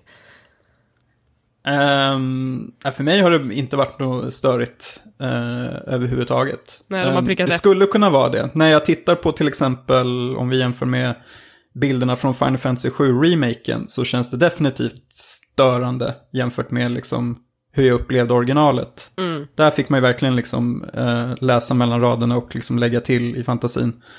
Ehm, så här tycker jag bara att det känns som att det är en, en sån värdig eh, uppdatering på något sätt. Så jag är, ja jag vet inte, jag har inte så mycket att klaga på. Jag, hör, jag hörde något eh, illavarslande rykte att eh, t- eh, det var en remake på gång av trean, vilket jag jättegärna vill ha, men att det skulle på något sätt outsourcas till något så här, eh, annat företag. Att det inte var Capcom som, som skulle göra det, utan det skulle bara skyndas ut. Mhm. Oj. Nu är det bara ett rykte, men eh, jag är ändå lite orolig att det skulle vara fallet. För nu tycker jag att de liksom, nu har de, nu har de ju hittat någonting här värt att bygga vidare på. Att de skulle kunna varva liksom med, eh, ja, Resident Evil 8 till exempel med en remake av ett gammalt spel och liksom fortsätta på den stigen. Eh, Mm. Och de behöver inte ha så bråttom heller och få Nej. ut allting. Verkligen Jag håller verkligen med dig. Jag skulle också vilja ha ett Resident Evil 3. Eh, men samma sak där, jag har ingen bråttom att det ska komma ut nu. nu. Det kan gärna ta sin tid faktiskt. Att de gör åttan först och sen hoppar de på trean, remaken. Hade du också spelat det här Tommy? Jag har också spelat det och jag är eh, lika nöjd nästan skulle vi säga som eh, Niklas. Jag spelade tillsammans med min eh, fru faktiskt och vi hade så otroligt eh, kul med den första eh, genomspelningen. Alltså det som gör det så otroligt bra är att det väcker liksom gamla härliga minnen, säkert från så här, ja, Resident Evil 2 och Silent Hill 2. Att du har den här huset, byggnaden. Jag förstår att du inte köper det, Elisabeth, men ju- vi älskade att ta upp den här kartan och så ser man att oj, det här är ett rött nyckellås där vi inte kan komma in. Nu har vi hittat den här röda nyckeln och så ska man gå runt på den här kartan och liksom... Jag vet att jag, jag gillar ju orientering och det gör det väldigt bra det här spelet, särskilt eh, i början faktiskt. Men eh, det som det faller på är att de tar in den här nya karaktären eh, Mr X. Jag vet inte om du har sett honom Elisabeth? Jo, jag har sett memes med Mr X först och främst. Ja. Och det är, folk, folk som inte vet är ju att det är någon slags här OP-karaktär som bara dyker upp. Eller han bara inte dyker upp. Det folk, folk har faktiskt kod, eller kodlat det här spelet och det finns faktiskt en kodning. Han går runt även off-screen, vilket är väldigt här, tufft. Eh, Han jagar att- huvudkaraktären. han jagar huvudkaraktären, vilket gör att man måste springa iväg, gömma sig eh, och vänta ut honom. Och sen kan man gå vidare. Och där tappade både jag och min fru den här spelupplevelsen. För vi gillar att ta vårt tempo, utforska saker, titta på saker, eh, lösa lite pussel och sånt där. Men helt plötsligt när den här Mr X kommer, särskilt i andra eh, spelningen när man spelar som Claire då, som vi gjorde, så vart det, kom man ännu tidigare då och stressade en ännu mer. Eh, så vi njöt inte alls då och eh, sl- slutade spela faktiskt. Vi spelade inte klart Claires eh, del för vi tyckte inte det var något kul längre. Eh, Kände- faktiskt. Vi ville ta det i vår egen takt. Vi ville inte ha den här piskan eh, bakom oss hela tiden. Att vi skulle skynda oss hela tiden. Kände du samma sak Niklas? Jag har inte spelat igenom andra Ah. eh, varvet ännu, men eh, Tommy hade förvarnat mig lite, så jag har liksom försökt att ta lite omvägar runt Mr X. Eh, för man kan ju liksom, om man vet vart han dyker upp så kan man liksom avvakta med de delarna och utforska andra delar av polisstationen istället. Men visst, det, det fanns väl några tillfällen då jag liksom ville ta en viss väg genom polisstationen, men det känns som att Mr X på något sätt var liksom programmerad att stoppa den vägen så att jag skulle tvingas att ta någon annan väg. För jag tycker det räcker, jag tycker det är kul att han finns. Att han skulle komma in som någon så här skriptad grej. De gör ju det några saker i spelet, vilket är typ så här 5 plus. När, han, när hans hand åker igenom väggen till exempel. Sånt som är he helt underbara stunder. Eh, sånt kunde de jättegärna behålla, men annars om de ska ha liksom zombies som blockerar, då räcker väl, och de vill ha några starka läskar, då räcker det med de här lickers. De har jag tillräckligt mycket respekt för. Eh, faktiskt. Eh, Mr X är ingen som behöver liksom komma tillbaks hela tiden, känner jag. Nej. Han kan gärna få vara lite mystisk i bakgrunden. Jag tror det gör honom ännu mer eh, läskigare Ja, då. men precis, faktiskt, att man inte vara- överanvänder en, ett skräckmoment tills, Nej, det, tills det blir förutsägbart på något sätt. Ja, precis. Det finns ju en liknande karaktär i trean som är väl, ja, Nemesis då heter han. Så kan vi hoppas att de kanske tonar ner det då, lite eventuellt. Om det blir en remake av trean. X don't give it to you. Don't give it to you. Men eh, godkänt till den remaken alltså. Det är en av de bästa Evil 2. remakesarna som har gjorts. Absolut. Ja. Eh, otroligt välproducerat faktiskt. Jag är Så glad för alla Resident Evil-fans som har fått eh, remaken de förtjänar. Det är väl bara Niklas kvar, tror jag, som lever. Enda Resident Evil-fanet. Resten har dött ut. Resten har dött ut. Som med Level-tidningen. Börjat, eh, ja, ja, ja. Ska jag ta ett spel nu då kanske? Vad ska jag ta? Jag, jag har spelat så himla mycket känns det som. Men, men eh, vi, om vi nu är inne på början av året så kan jag väl ta och snacka lite om Metro Exodus. Um, Det är det jag vill höra också. det var det du ville höra om nu? Okej, Ja. perfekt. Jag eh, hade ju ett litet projekt under vintern att jag skulle spela igenom de första två Metro-spelen, vilket jag gjorde. Jag läste Metro-böckerna, jag var väldigt, väldigt laddad inför den här eh, sista avslutande delen som jag tror att det är på den här Metro-trilogin. Eh, ni vet ju att jag brukar gräva ner mig alldeles för mycket i de här olika franchiserna. eh, och eh, det har varit jätte, jättekul, alltså jag tycker att böckerna är både högt och lågt, men, men eh, överlag väldigt, väldigt bra. De första två spelen, väldigt linjära, men liksom trots att det är läskiga element och jag är väldigt räddharig av mig så gick det jättebra att ta sig igenom hela spelet. Um, Ja, men det känns som att det är mycket själ och hjärta i den produktionen. Och sen kom då Metro Exodus som, som var lite annorlunda i det att um, där eh, de första spelen utspelar sig då i, i ett mörkt, dunkelt tunnelbanesystem i postapokalypsen så, så tar Exodus med spelaren ovanför ytan och det blir helt plötsligt ett open world-spel. Eh, med, inte helt open world, men det är liksom större kartor med liksom pluppar på kartan, gå och göra den här sidequesten, gå och samla den här resursen liksom. Um, vilket Gränsfall till Ubisoft. Ja, men lite så. Värld, I, I eller? ett miniformat skulle jag säga att det är det. Ah, Eh, okej. och, och det är väl det här som har splittrat fanbasen till Metro Exodus lite grann. Det är vissa som menar att det var mycket bättre som det var förut, att det ska vara mer det här dunkla linjära, det ska vara det, den tryckande stämningen i, i tunnelbanan. Men jag hade nog känt att om vi fick samma sak en gång till så hade det blivit ganska tråkigt också. Eh, så jag tycker att det här var en ganska välbehövlig flytt av serien. Ehm, så de här liksom, eh, vad ska man säga, militärerna som har då lämnat tunnelbanesystemet, de har snott ett tåg och de åker över den ryska landsbygden genom olika årstider, genom olika städer, byar ehm, och kvarlevor av apokalypsen egentligen. Upptäcker såklart att de inte är ensamma eh, och, och eh, mycket faror som lurar längs vägen. Jag hade jättemysigt med det här spelet faktiskt. Ehm, men hur funkar det nu för eh, förra spelen? Jag spelade också de två tidigare spelen. Jag för, det var väldigt länge sedan, men det var väl ingen level-system utan det var mer som eh, Half-Life, att du hittar lite vapen och sen kör du bara på. Eh, har de ändrat det Mm. Nej, i det här det- spelet också?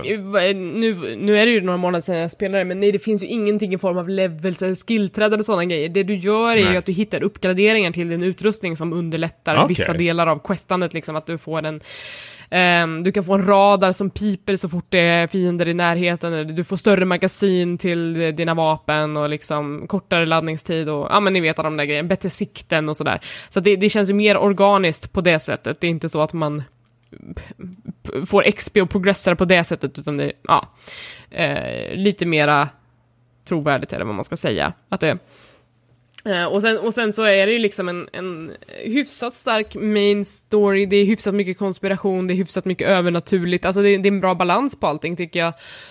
Um, och samtidigt, man kan skita i sidequestsen om man tycker att det förtar spelupplevelsen, utan bara gå på main, det går också jättebra. Um, så jag, jag är nöjd med den här sista delen, den är ju ganska mycket fristående i och med att den, den tar vid där böckerna tar slut egentligen. Um, så, så um, Men ska man spela de tidigare spelen som du gjorde? Är det, var det ett lyckat projekt? Jag tycker att det har varit ett lyckat projekt. Alltså de spelen håller ju upp väldigt bra fortfarande tycker jag. Ehm, och jag tror att man behöver kontexten i hur, hur livet för de här karaktärerna såg ut innan för att man faktiskt ska uppskatta den här stora världen som breder ut sig. Ehm, mycket läskiga monster, jag, jag gillade det. Det, det, är en, det är en härlig postapokalyps.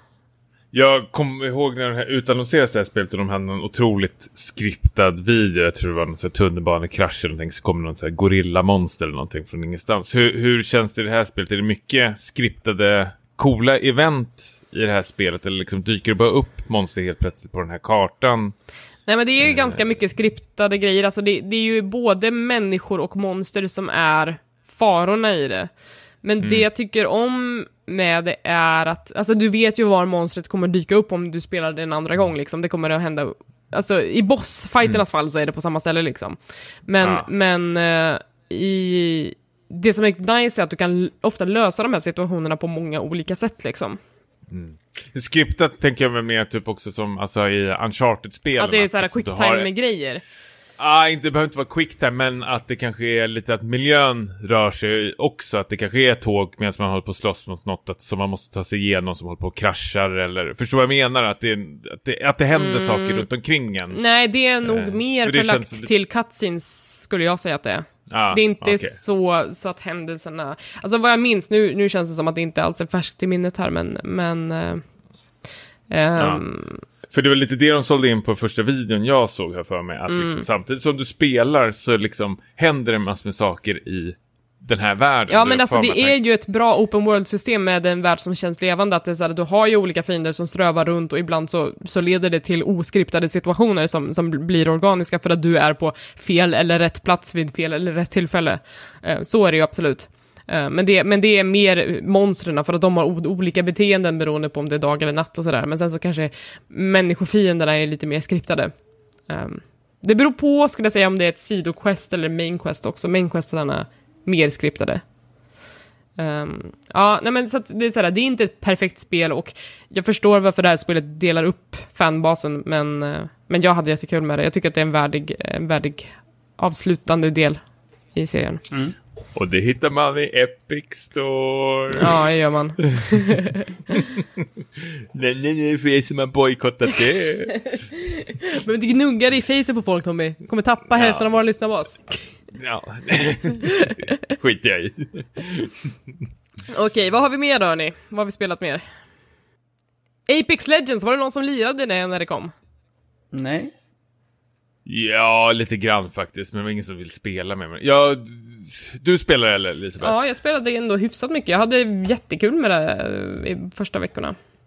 Ja, jag, jag gillar tanken mer i alla fall. Men jag, jag vet inte vad som hände. Jag, har, jag tror jag har kört så otroligt mycket eh, Battle Royale-spel nu. Så jag, jag börjar bli otroligt eh, mätt på den här genren. Särskilt eh, vart jag otroligt mätt när Battlefields Firestorm. Är det någon som har spelat det ens? Jag äger ju inte jag. Battlefield men... Jag nej. har det men jag har inte testat.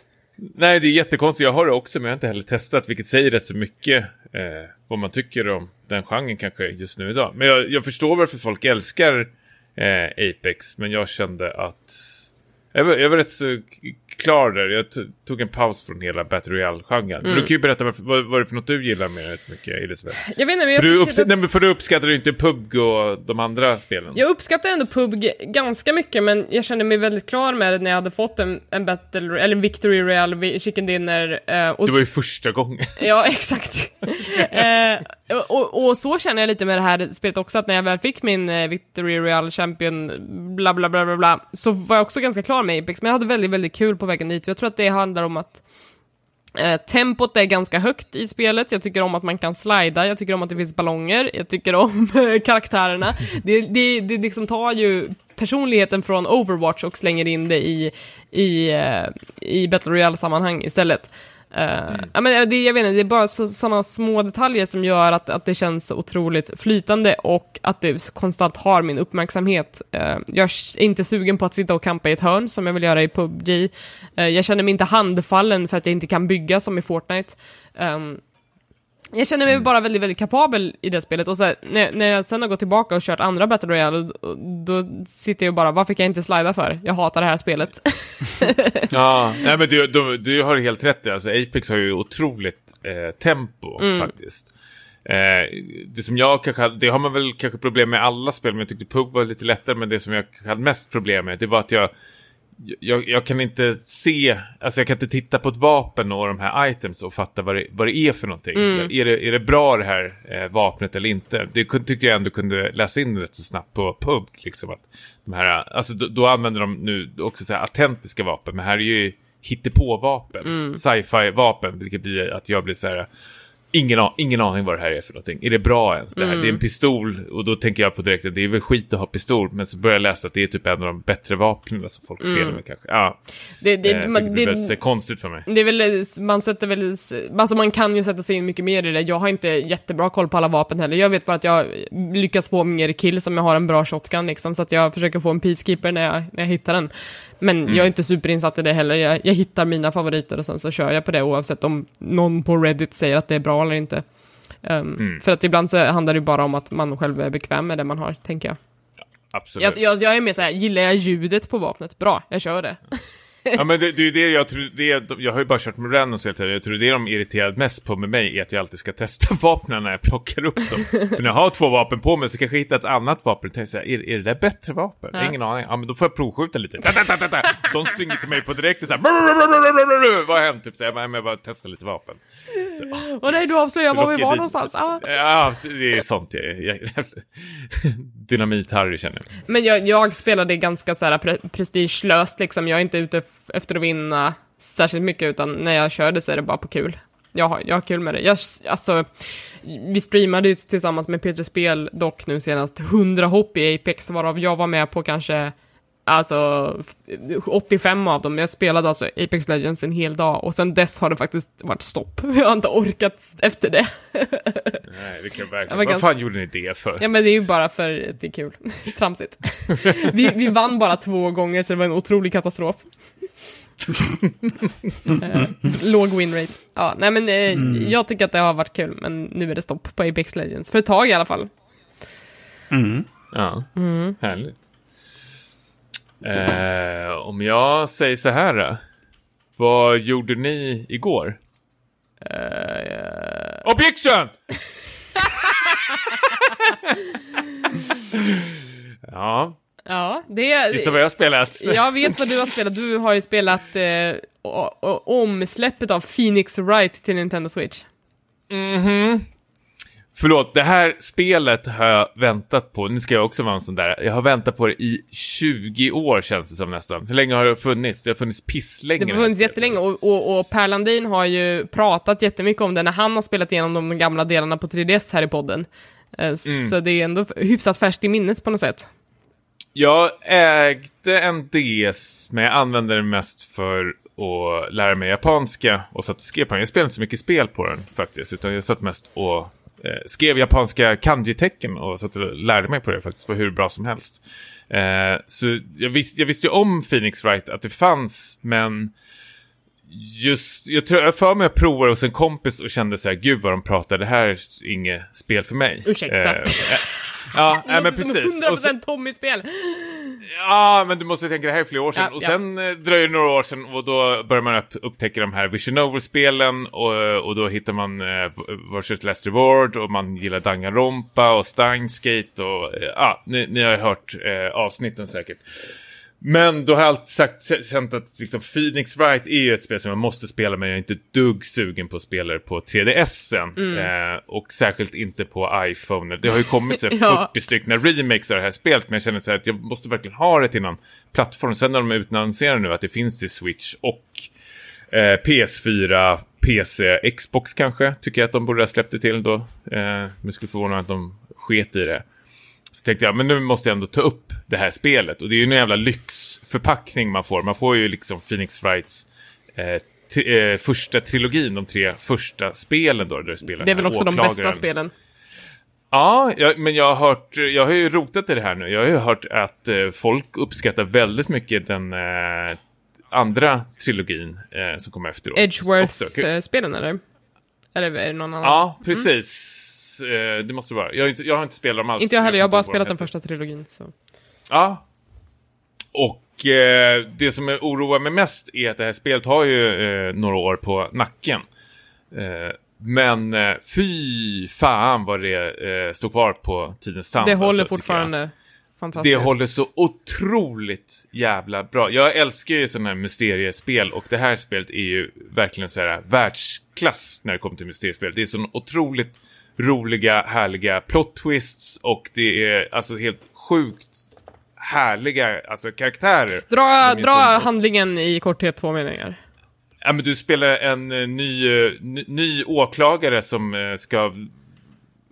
Han är, han är helt ny i gamet, det är där första spelet börjar och blir anställd på en advokatbyrå och då börjar man ta upp, ja, man har ju ett case som man börjar med och jag vet inte, man kan inte berätta vad det handlar Nej, om. Du spelar en du en åklagare advokat, och du liksom. har piss, ja precis. Och sen det som man älskar med det här spelet är att casen är fristående från varandra, men genom spelet så är det ändå en röd tråd att det kommer tillbaks karaktärer. Du har ju din eh, rival då, Edgeworth, som eh, man, eh, vad är han, Pro, eh, prosecutor, vad fan är det på svenska nu igen? Advokat? Eh, bara. försvar, äh, försvarsadvokat. Försvarsadvokat. Eller vänta, vänta, precis. är inte Phoenix Wright försvarsadvokat och Edgeworth Wright är, är, försvars... är åklagare? är åklagare, så är det.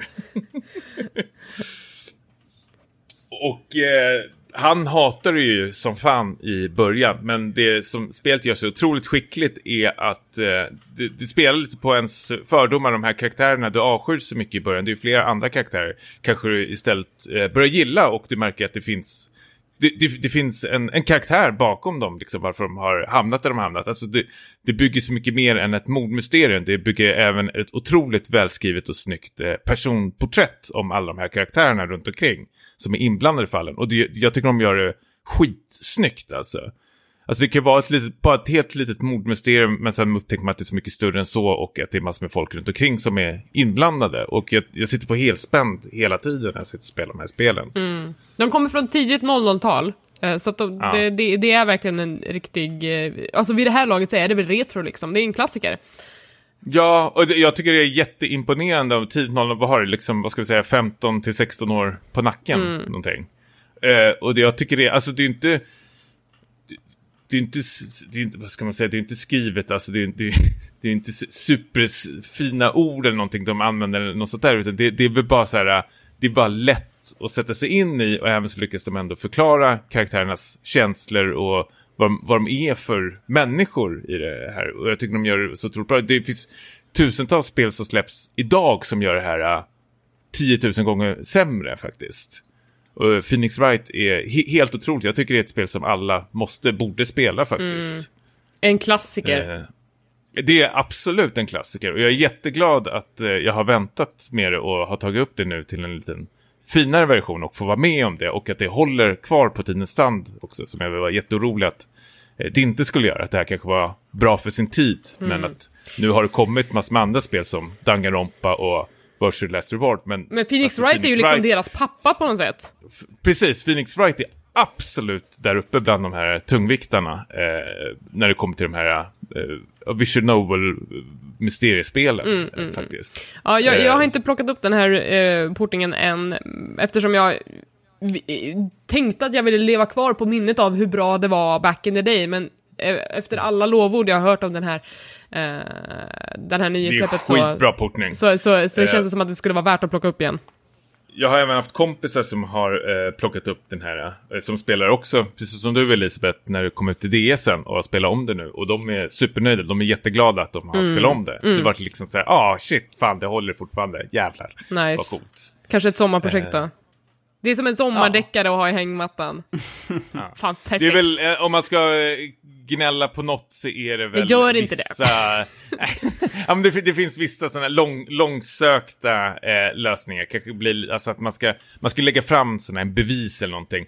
Och även fast du som spelare, nu ska jag säga en positiv och en negativ sak samtidigt som jag älskar med det här spelet, men samtidigt som du spelare vet att det här kan jag lägga fram för att bevisa att den här personen är oskyldig, så eh, vill spelet ändå inte det, för spelet vill att du ska ta en, en viss väg. Ja, det finns en viss ordning i alltså. sig, hur saker ska Ah. göras i det här spelet. Precis, och då, då kan jag bli lite irriterad. Men samtidigt, det jag älskar med spelet är att eh, bara för att det är ett mysterium så behöver det inte betyda att du ska hålla på och killgissa vilket, vem som är mördaren, utan du kanske vet från början av spelet vem som har tagit död på den här personen. Nu är bara ditt uppdrag att liksom hitta på hur du ska liksom ta reda på den här faktan och försöka vrida och vända på orden. Vilket de gör också så här superbra eh, faktiskt. Kul. Fem plus, Ja, verkligen. ja, det känns som att det skulle göra sig jättebra på Switch också.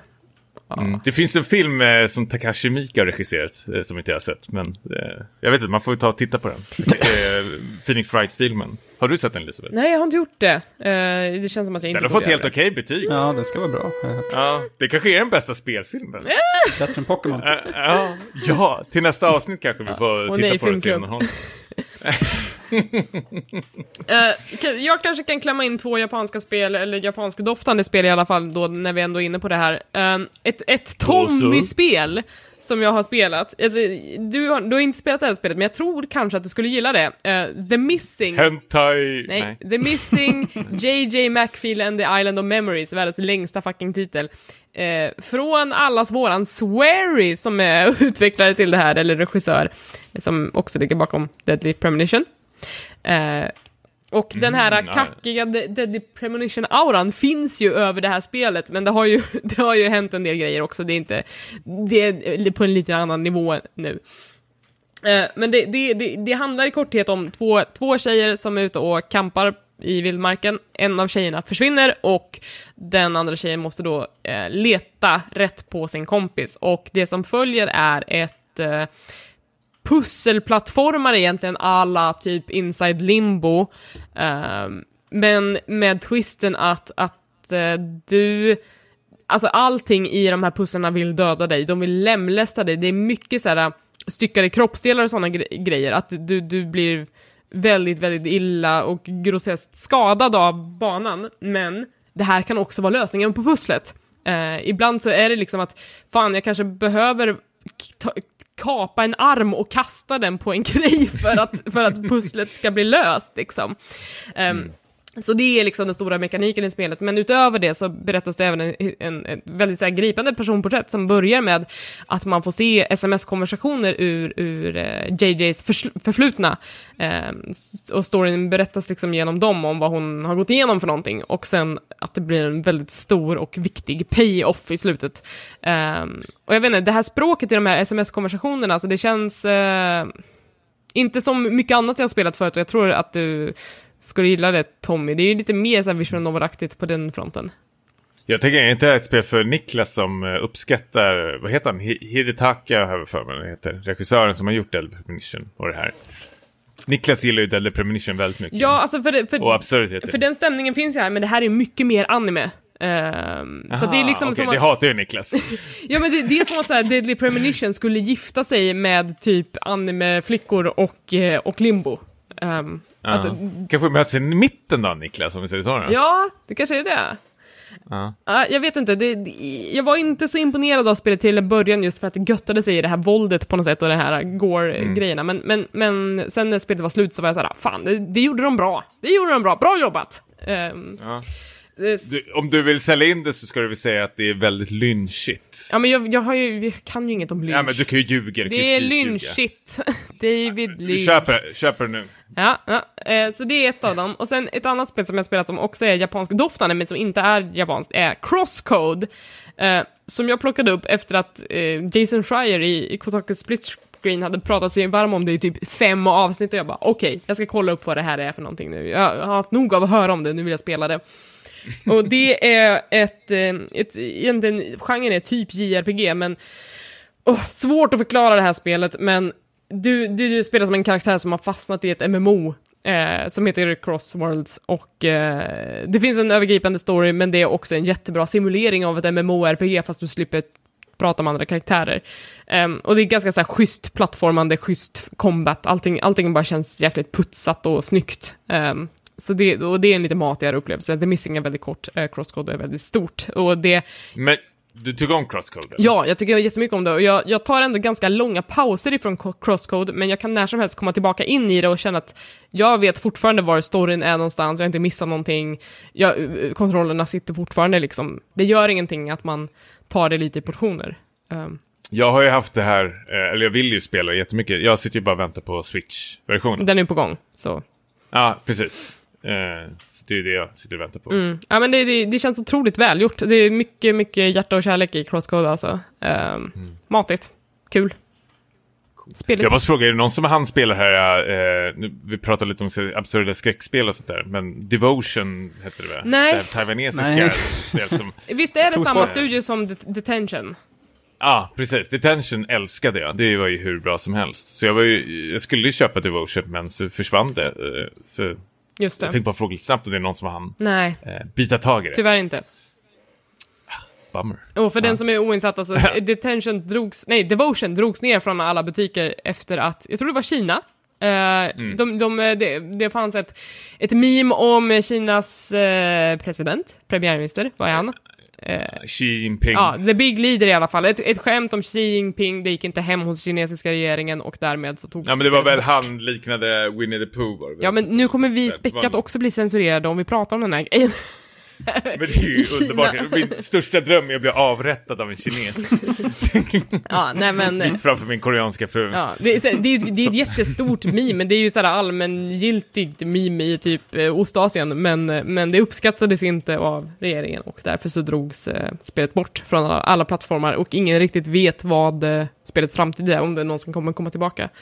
Jag tänker säga, det är spelutvecklare som är från Taiwan som har ju levt, alltså som taiwanesisk historia har ju levt väldigt mycket förtryck från eh, Kina. Mm. Och Fortsätter. Så, ja, det fortsätter ju bara. Det är det som är så jävla hemskt. Alltså, Ja. Fortsätt ska in och pin, pilla där i, i Taiwan. Mm. Ja, nej, ett oskyldigt meme sänkte hela spelet. Mm. Ja. Ja, nej tyvärr. Spännande. Niklas, du har säkert spelat något spel. Eh, ja, jag tänkte jag kan eh, rekommendera ett uh, brädspel. Ja, lite här, gärna. eh, mitt i allting. Och lite, det är lite så här klurigt också, som vi pratade ju om Phoenix Wright här. Eh, det är ett eh, spel som heter Chronicles of Crime, som är ett samarbetsspel. eh, som är liksom, det blandar klassiskt brädspel med att du eh, laddar ner en app som eh, sen används för att eh, ja, förhöra karaktärer och eh, utforska miljöer, alltså leta efter ledtrådar och sånt på mordplatser och sånt. Att du, eh, du scannar in eh, QR-koder på de här spelkorten för att liksom prata med folk och eh, du kan även liksom på mordplatser, vet, eh, vi har inte det, men man kan köpa till så VR-glasögon som man sätter på sin mobil och sitter, ser helt superlöjlig ut och Wow. tittar runt där. Ehm, Future. men det, ja, verkligen. Men det är väldigt, eh, Eh, jag tror faktiskt att, eh, att ni skulle gilla det här jättemycket. Vi har spelat eh, och varit tre stycken. Jag tror att kanske att det passar ännu bättre att vara typ bara två stycken. Att man har ett bollplank eh, som man liksom eh, drar sina teorier med. Det kan ju vara liksom allt från att det är någon, eh, ett case där det är en, en värdefull skatt som har blivit stulen från ett museum. Och ett kan vara att det är någon så här knarkare som har blivit mördad i Hyde Park. Det utspelar sig i London så att man rör sig runt eh, liksom, klassiska London-miljöer. Ehm, och den Förlåt, här, får jag för, för, fråga en sak? Får jag sticka in en fråga? Jag är jättenyfiken, jag glömde bort. Det här QR-koden när man läser av med telefonen. Mm. Då får man upp det på sin egen telefon och så ska man sitta och läsa en massa text eller vad Ja, du läser text. Men det är inte liksom massvis med text, utan det är ganska kortfattat. Men så det är liksom att en av spelarna blir ju på något sätt någon berättare då. Vad eh, de här karaktärerna säger. Okej, så det räcker med att en läser av eller måste alla göra det? Nej, nej, en sitter med mobiltelefonen eller, Okej. eller paddan eh, och liksom läser. Och så kan man turas om också och liksom scanna de här miljöerna. Ehm, och det är, ehm, när man köper spelet så får man till eh, fem olika scenarion som är, uh, tar kanske 90 minuter som mest att klara. Ehm, och så kan man köpa till ytterligare scenarion eh, i appen sen längre fram. Mm, smart. Och ehm, ja, nej, men det här, det här har varit liksom eh, det roligaste jag har spelat på länge när det gäller just att liksom när man ska samarbeta och eh, klura. För jag tänker, eh, där man spelar, alltså många brädspel br- har ju börjat skaffa sig som så här companion-appar för att typ så underlätta vissa delar av spelet, att man ska slippa hålla på med massa marker och kort och sådana där grejer. Men det här är mer av en integrerad del av spelet när du går mellan de olika medierna, eller vad man ska säga. Ja, precis. Alltså ju, du behöver egentligen inte liksom lära dig några regler eller någonting, för appen sköter liksom allting och berättar att nu är det dags att plocka fram nästa. Du, du rör dig ju liksom, du återbesöker miljöer eh, och ju mer komplext fallet blir, desto liksom mer karaktärer som liksom kan vara skyldiga till mordet till exempel. Eh, och mer platser att besöka. Så det är, eh, det är ganska lätt att sätta sig in i. Eh, Så det är så här, kort uppstartstid. Kort uppstartstid. ehm, men som sagt, man ska väl ha typ i alla fall en timme, 90 minuter. För var, varje liksom, moment i spelet tar, lägger på lite tid på klockan. Du har ju bara ett visst antal timmar på dig att lösa det här. För annars får du liksom ett sämre resultat. Så om du åker mellan platserna så tar ju det också tid. Och i ett fall så är det att det är en kidnappning som måste lösas och det kan hända saker. Att det ringer i telefonen typ. Eller du får ett sms att ja, nu säger kidnapparna att eh, åk till eh, ja, London Eye och eh, lämna lösensumman där och så vidare. Så det händer lite oväntade saker liksom eh, som förberättelsen framåt också. Är det riktigt såhär David Fincher-twister? Att du bara såhär, vad, vad är det som händer? Tar Ja, skriker, kanske eller? inte än så länge. Men det var lite roligt att vi, vi löste ett fall och så visade det sig att det här var bara liksom typ första delen av ett mycket större fall som skulle återkomma längre fram. Åh. Så, mm. Men, men man eh, när man har spelat klart ett fall så är man klar med det. Du kan, går inte tillbaka och spela det igen liksom. Det tror jag inte, för då vet man liksom vem mördaren är på något sätt. Fast det finns ju vissa aspekter, liksom att ett fall kan vara mångbottnat. Det kan börja med att, som jag beskrev att det är ett, ja, en skatt som blir snodd från ett museum. Som kanske leder till att det, det sker ett mord senare in i eh, det här scenariot. Så att det är inte liksom så här super, eh, superförutsägbart på det sättet. Nej, men jag tänker att så här, när du har spelat klart alla scenarier som finns i spelet så väntar man snällt tills det kommer ett nytt man kan köpa till i appen till exempel. Ja, ja, precis. Så att det, det, det, det är det är som tänkt. är replayabilityn, att du, det är inte så mycket replayability utan du, du väntar snarare på mer innehåll. Ja, du får väl köpa till fler scenarion Mm. eh, i takt med att de släpps, tänker jag. Coolt. Så ja, Chronicles of Crime är eh, rekommendation. Hörni, det är allt vi har att bjuda på för idag. Det blev en extra lång podd eftersom, eh, ja, vi hade mycket att ta igen. Och det finns väl Ja. desto mer att ta igen. Men vi vet inte riktigt när nästa podd blir, utan den kommer när den kommer helt enkelt. Men se det som en liten present liksom, så att man, man får det bara helt plötsligt, en liten överraskning. Helt plötsligt dyker Det upp en kommer- podd. Precis. Och det känns lite, lite skönare också tycker jag som lyssnare att det kommer ut ett avsnitt när de som har podden har något vettigt att säga. Ja, Eller? ja. Ja, det är- jag, tänker också det. Och, Ja. såhär, och, Ses om två år. och sen Nej, oavsett om du faktiskt- tycker det eller inte, så är det nu. Men hörni, superkul att få sitta ner och snacka med er igen. Det känns som att vi nästan aldrig var borta. Nej, Och, mysigt eh, vi har här. ja, och eh, ta hand om er. Även ni som lyssnar. Detsamma. Kram på er.